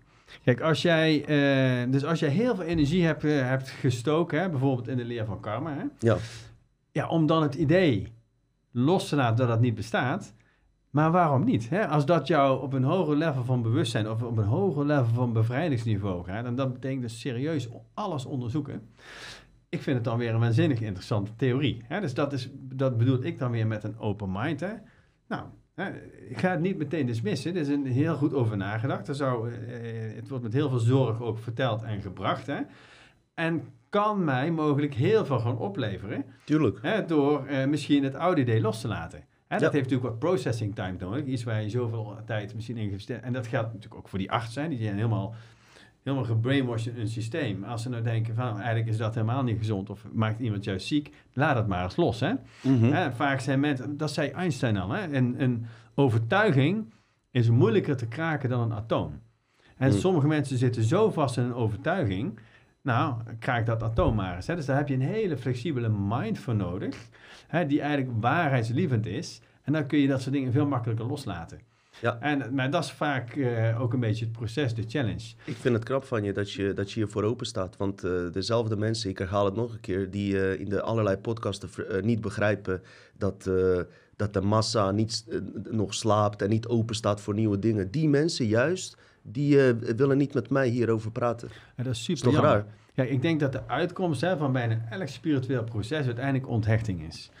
En dat is moeilijk zat. Hè? Dat is onthechting van bepaalde... Dus bijvoorbeeld genieten van materie, hè? van dat gave huis eh, en de Côte d'Azur. Op het moment dat je eraan vastzit, creëert het lijden. En dat is eh, wat de boeddhisten ook zeggen, alle leven is lijden. Dat komt met name weer door begeerte en verlangens. Niks mis met begeerte en verlangens. Maar het punt is, als je dus iets niet hebt, creëert het lijden. Mhm. Dus eh, ergens van genieten, maar er los van zijn. Hè, of los zijn van concepten is precies hetzelfde. Hè? Dus dan is het dan niet een huis, maar dan is het een gedachteconstructie in jouw hoofd. Dat is niet wat jij bent, dat is waar je naar kunt kijken. En misschien is het een creatie die helemaal niet met jou dient. En dan kun je die loslaten. Dus ik probeer altijd weer terug te gaan naar je essentie. Dat is dus super simpel. En dat blijf ik herhalen, want dat is een mega programma dat het moeilijk is om zogenaamd verlicht te worden. Is helemaal Mhm. niet moeilijk. Nee. Ben je al. Je bent alles al. Dus als jij weet, hè, van jij bent een soeverein wezen, jij bent puur bewustzijn, pu- pure consciousness. En daarbinnen heb jij creaties die je kunt discreëren. Dus ik heb een keer een hele avatar cursus eh, gedaan. Dus de- dat is van een avatar eh, opleidingsinstituut, zo heette dat. Daar pas Avatar Project, nee toch? Nee, nee, ik, ja, nee het is er een een, over avatar training. Net als dat je een NLP training kunt doen, zoiets. En dat vond ik heel gaaf wat ik daar leerde. Hè? Dus dat eigenlijk eh, dan op een gegeven moment ehm, kon je je creaties, ook je gedachtenbubbels, zien voor een gedachtenbubbel. En ook weer discreëren. Mm. En voor het, het concept karma, is het nou helpend? Is, helpt het mij nu verder? Of is dit misschien dat hele gave Ja. concept wat jij nu noemt? Ja. Nou, dan kun je het discreëren. En nog steeds hè, er los van zijn, want uiteindelijk ben je los van alles. Mhm. En dat is een proces wat, eh, wat makkelijk gezegd is, hè, maar moeilijker is in de praktijk. Want wel degelijk hou ik van mijn huis en van mijn kinderen en van mijn vrouw. En eh, dus het is altijd veel makkelijker gezegd dan gedaan. Zeker. Hè, maar natuurlijk is het super gaaf als je daarvan mag genieten, maar er steeds meer van onthecht raakt. Want dat betekent als je het niet meer hebt of bent, je nog steeds oké bent met jezelf. Nou, en dat noemen wij verlichte mensen. En dat is een heel proces van, van loslaten. En, ehm, nou, maar uiteindelijk is dat veel minder moeilijk dan dat we denken dan dat het is. Daniel, ehm, ik zit dit te denken. Misschien is het een idee. Vorige keer had je een hele mooie meditatie gedaan. Ik Mhm. weet niet hoe je erin staat. Ehm, eh, ik, ik vond hem super eh, vorige keer. En ik eh, was een week lang gewoon super blij ook. Ja. En nou moet ik niet afhankelijk van jou zijn om blij te worden. Maar ik was een week lang blij totdat ik thuis kwam van werk en ik zie die aflevering is verwijderd. Eh, dus eh, toen werd ik minder blij. ja. Maar eh, hoe zie je erin dat wij een, een, een meditatie doen Ja. vorige keer? Ja? En dat we dan gewoon rustig afsluiten. Ik merk dat mijn energielevel, omdat we nu wat met een ander bewustzijn praten, dat ik eh, best wel ook eh, hè, een beetje doorheen zit. ja, Eh, positief hoor, bedoel ik het. Alleen Ja. we zitten op een hoog level te praten nu, weet je. ja. La- laten we dat doen. Hè? En laat ik dan nog heel eventjes de, de, de kijkers, luisteraars een hart onder de riem steken. Hè? Van degene die nog willen, hè? Die, eh, wat ik vorige keer vertelde. Als ze zo'n scan nog willen, hè? die Being Embedded scan, dan heb ik dezelfde mogelijkheid nog voor die mensen. Dus dat ze dat niet voor het reguleren Zullen we tarief- het aan de meditatie dat nog even uitvoerig dan eh, eh, Ja, uitleggen? is goed. Want dan... Doen we meditatie en dan sluiten we daarmee af met de verwijzingen. Prima man. En misschien even vertellen over die meditatie nog. Hè? Dus dat noemen we hartcoherentie. Ehm, als jij eh, stress ervaart, dus het ervaren van een onprettig gevoel, wordt je hartritme onregelmatig. Op het moment dat jij weer in een positief gevoel komt, wordt je hartritme regelmatig en heb je een optimale connectie met je brein en met het veld buiten je.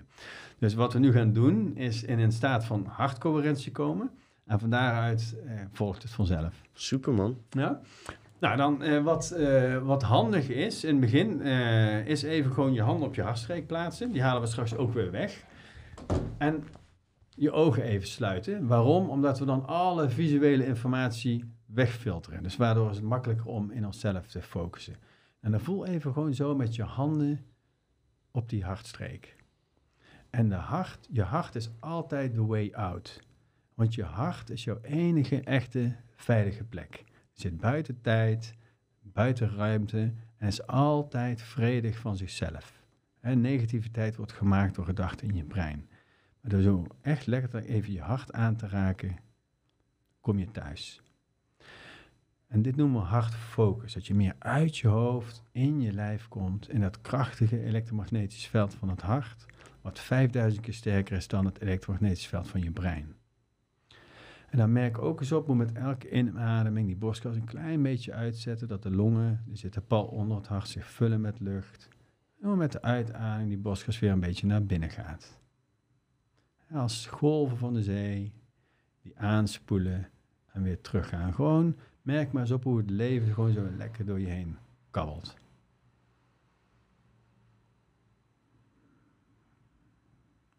En dan gaan we nu op een intelligente en bewuste manier de adem reguleren. Wil ik je uitnodigen ongeveer 4 tot 5 seconden alsof je door die handen, door die hartstreek inademt, verse energie. En daarna alsof je uitademt door die hart en die handen, laat je alle spanning, negativiteit los. En dan dat maar eens vast. Vijf in, opladen met verse energie. Vijf uit door het hart, laat je spanning, negativiteit los.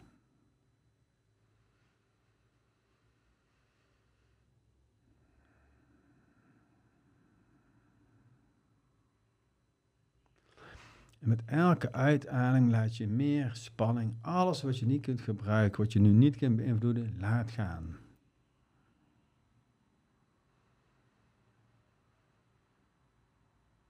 En dan met de eerstvolgende inademing zo meteen, adem een positief gevoel in. En een licht positief gevoel is al oké. Misschien denk je aan je favoriete hobby, je laatste vakantie, iets wat jou blij en gelukkig maakt, je kinderen misschien, je huisdier. En adem dat positieve gevoel mee in door je hart. Met uitademing ontspan in dat positieve gevoel. Met elke inademing, elke cel van je lijf vanuit je hart vult zich met dat positieve gevoel. Met uitademing ontspan je in die bubbel van positiviteit. Geniet maar eens heel bewust van dit cadeautje aan jezelf, waarbij je investeert in positiviteit.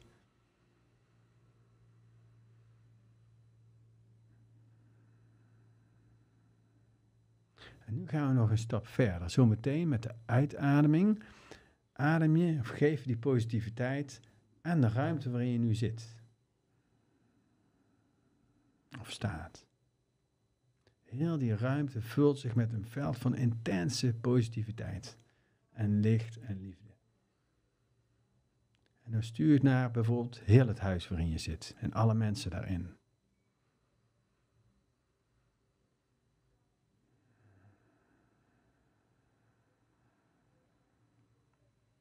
En je ademt als het ware dat huis helemaal mee in en uit door je hart.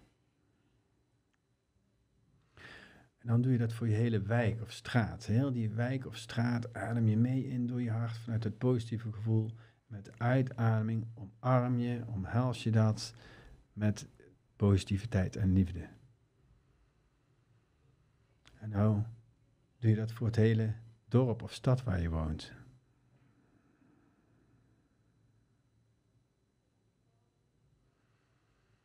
En dan het hele land, in dit geval Nederland. Visualiseer gewoon Nederland, ons mooie landje, wat zoveel gave dingen in zich heeft. Adem dat in zijn meest authentieke vorm mee in. Met uitademing geef het heel veel positieve energie. Super gaaf landje. En dan gaan we naar Europa. Fantastische landen, hè, met fantastische steden en architecturen en wat gaaf. Adem mee in. Europa in zijn authentieke vorm uitademing geef Europa die positieve energie.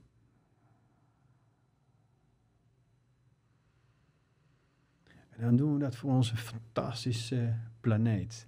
Die we van buiten kunnen zien met mooie zeeën, mooie bergen. Wat een gaaf planeetje eigenlijk, wat een juweel. Adem dat mee in door je hart met uitademing heel die planeet van binnen en van buiten, tunnels, wat er ook allemaal is, goede en slechte, weet iedereen geeft je liefde. Want het enige wat uiteindelijk is, is die liefde.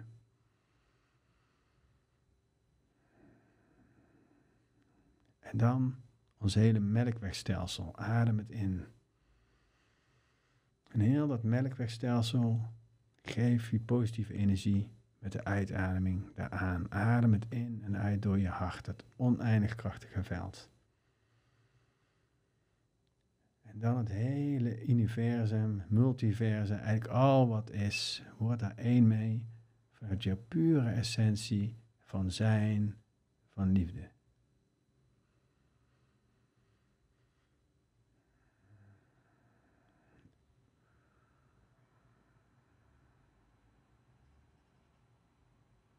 Dan mag je de handen van de hartstreek vandaan halen. Alsof die handen daar nog zitten.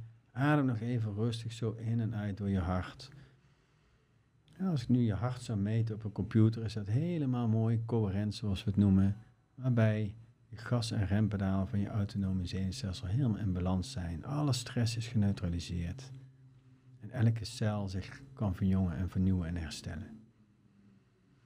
En open nu je ogen twee met ogen open nog eventjes doorademt.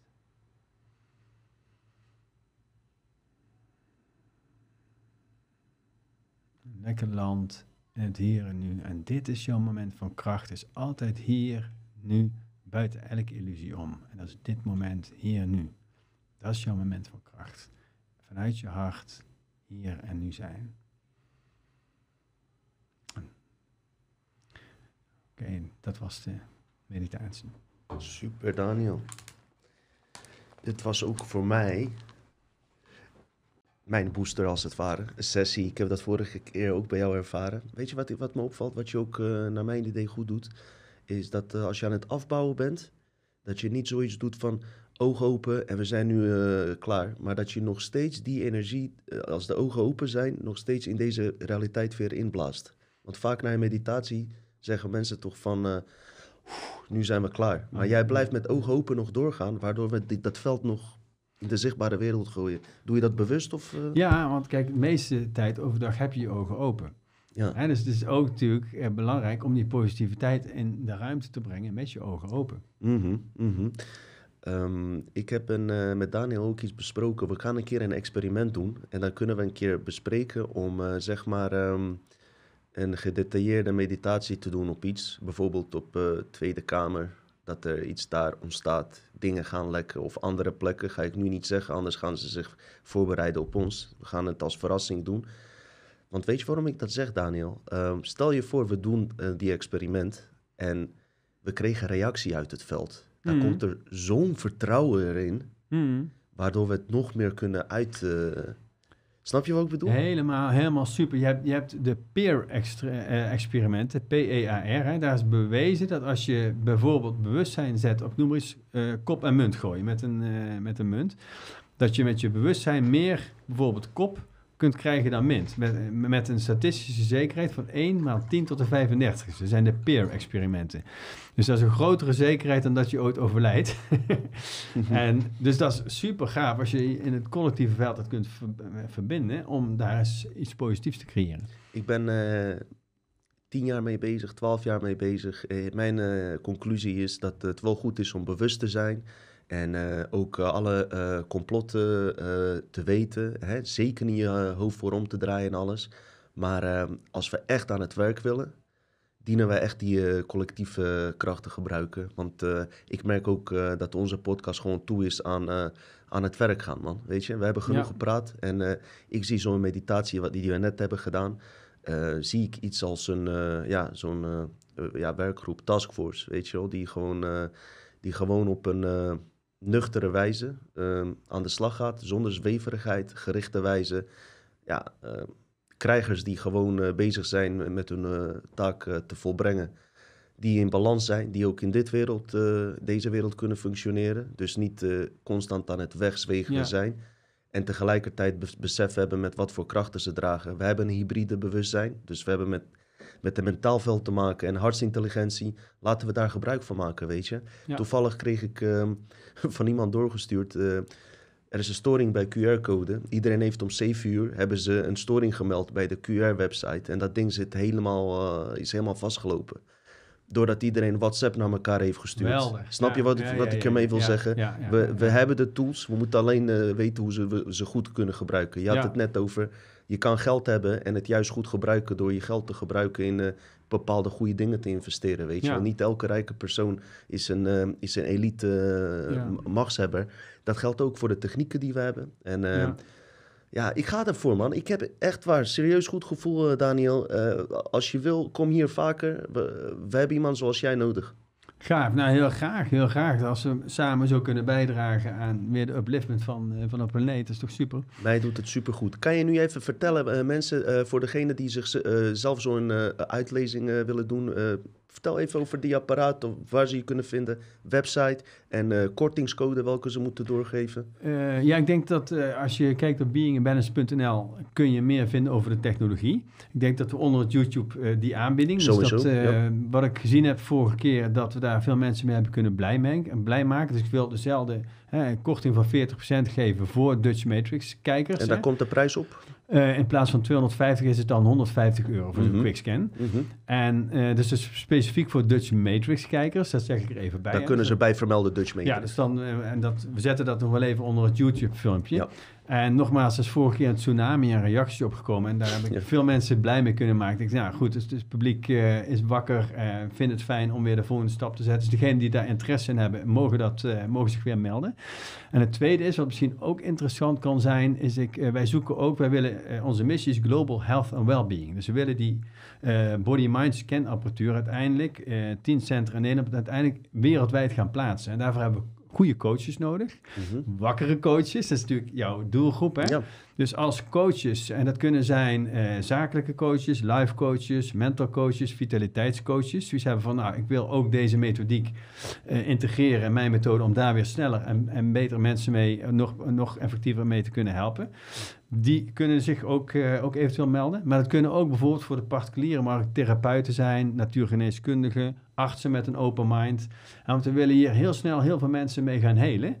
Dus uh, als een coach zoiets heeft, nou, ik wil mijn arsenaal weer verrijken met die being management methode, dan zijn ze uiteraard ook uh, welkom. Dan Waar kunnen, ze, mij, gewoon, kunnen ze mij gewoon bellen en uh, dan ja, kan op ik de website die, op die de ik website in de omschrijving... Ik zal die link ja. ook onder het YouTube filmpje zetten, Precies. dat ze meer over die coachingsopleiding dan kunnen lezen. Superman, Daniel, wil je nog iets kwijt? We, eh, we zitten nu op twee uur en omdat we best wel op een eh, high level hebben gepraat en afgewisseld met Matrixveld, zi- zit ik er in- eh, qua energie niet echt doorheen. Ik kan nog wel, maar ik heb geen vragen meer. Heb jij nog iets aan toe te voegen? Nee, zwijgen is op een gegeven moment het allerbeste, dus Ja, laten we dat maar doen. Ja, Ja. man, ja. En wat vond je er zelf van? Ik, Ja, superleuk Dino. ik denk eh, dat we het zelfs die vorige hebben overtroffen, man. Vorige Ja. aflevering. Ja, nou, weet je, het punt is, ik krijg hier energie van. Dus ik Ja. kan maar doorgaan en doorgaan. Dus het is ook heel goed om op een gegeven moment te zeggen, hè, dit, is, dit is het even. Ja. heb ik in mijn training ook altijd. Gisteren, en op een gegeven moment, jongens, we gaan nu lunchen. Dan moeten mensen echt tegen mij zeggen. En dan gaan we lunchen. We- dus nu is het even Weet je, weet je wat ik mooi vind aan jou? Is dat eh, jij leeft datgene ook wat je vertelt. Als je hier binnenkomt, eh, breng je die veld met je mee. Eh, daar, daar kan ik wat over leren, weet je wel. Ik, ik zie dat je gewoon lekker op vakantie gaat en je ding doet, weet je wel, zonder dat je va- gevaccineerd bent. Je leven laat je verder leiden, je laat je niet misleiden. Je leeft dat leven gewoon. En eh, ik denk dat je een goed voorbeeld bent. En voor mij en voor veel mensen die kijken, die dat zelf kunnen integreren. Dus wat mij betreft eh, kunnen we jou vaker zien. En eh, dat je gewoon je eigen ding doet hier bij ons. Volgende week kreeg ik eh, Mr. Barooms. Weer een eh, hele andere kant van het verhaal. Maar wel met dezelfde missie intern. Dat is eh, iemand die in de rap scene, hip-hop scene zit. Waar heel veel rappers die nu die dagelijks op tv zit, eh, begonnen zijn. Die man is ook wakker, weet heel veel. Ik ga met hem een, eh, eh, waarschijnlijk een heel andere type gesprek voeren. Maar de conclusie zal altijd hetzelfde zijn. En dat is wat ons verbin- verbindt. Er komen meer afleveringen, meer mensen zullen hier komen. Ik wil jullie bedanken eh, voor het kijken van deze prachtige aflevering. Het kan niet anders zijn dat, dat ook deze ehm, eh, bij heel veel mensen in de smaak zal vallen. Bij mij in ieder geval wel. Dus Daniel, nogmaals, mij dank eh, daarvoor. Heel graag gedaan. En jij bedankt, Dino. Super, mensen, bedankt voor het kijken. En ik wens jullie een fijne dag of avond. Het ligt er maar net aan wanneer je kijkt. En uiteraard zien jullie ons gauw weer verschijnen. Groetjes.